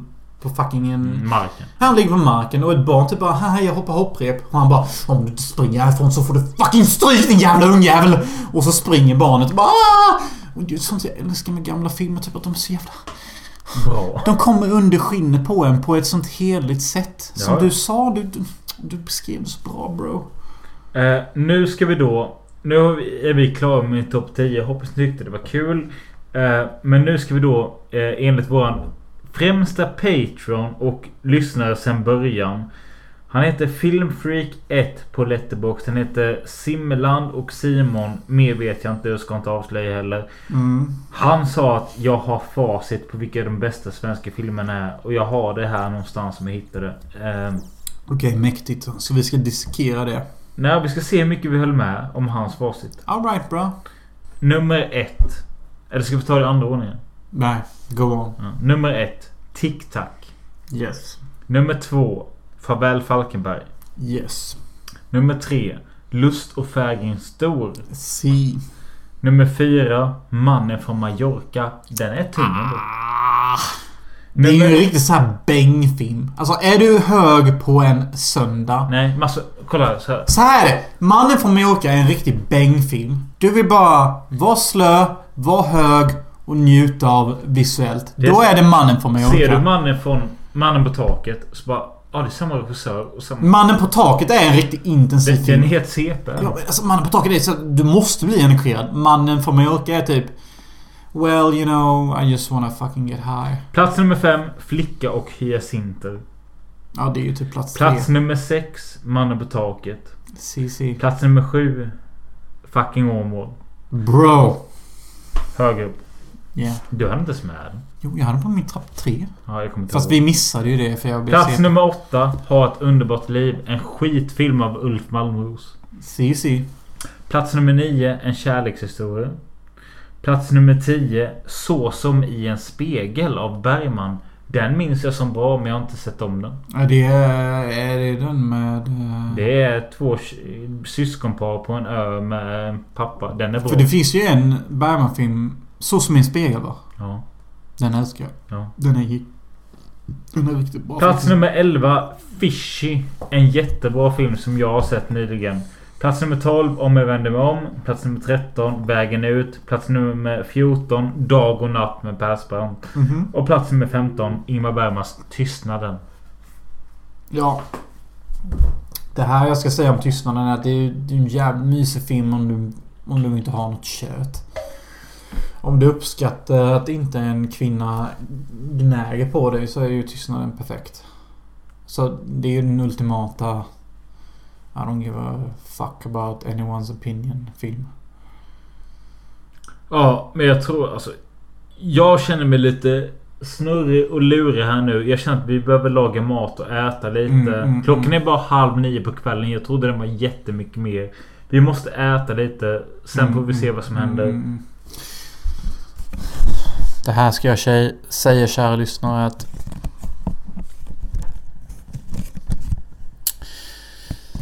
I love you. And I have issues. But when I look at my friend Robin, I don't have issues. Because he's a real fucking friend. Och det jag undrar är om ni her real fucking friends. Huh? And that's the end of the fucking session.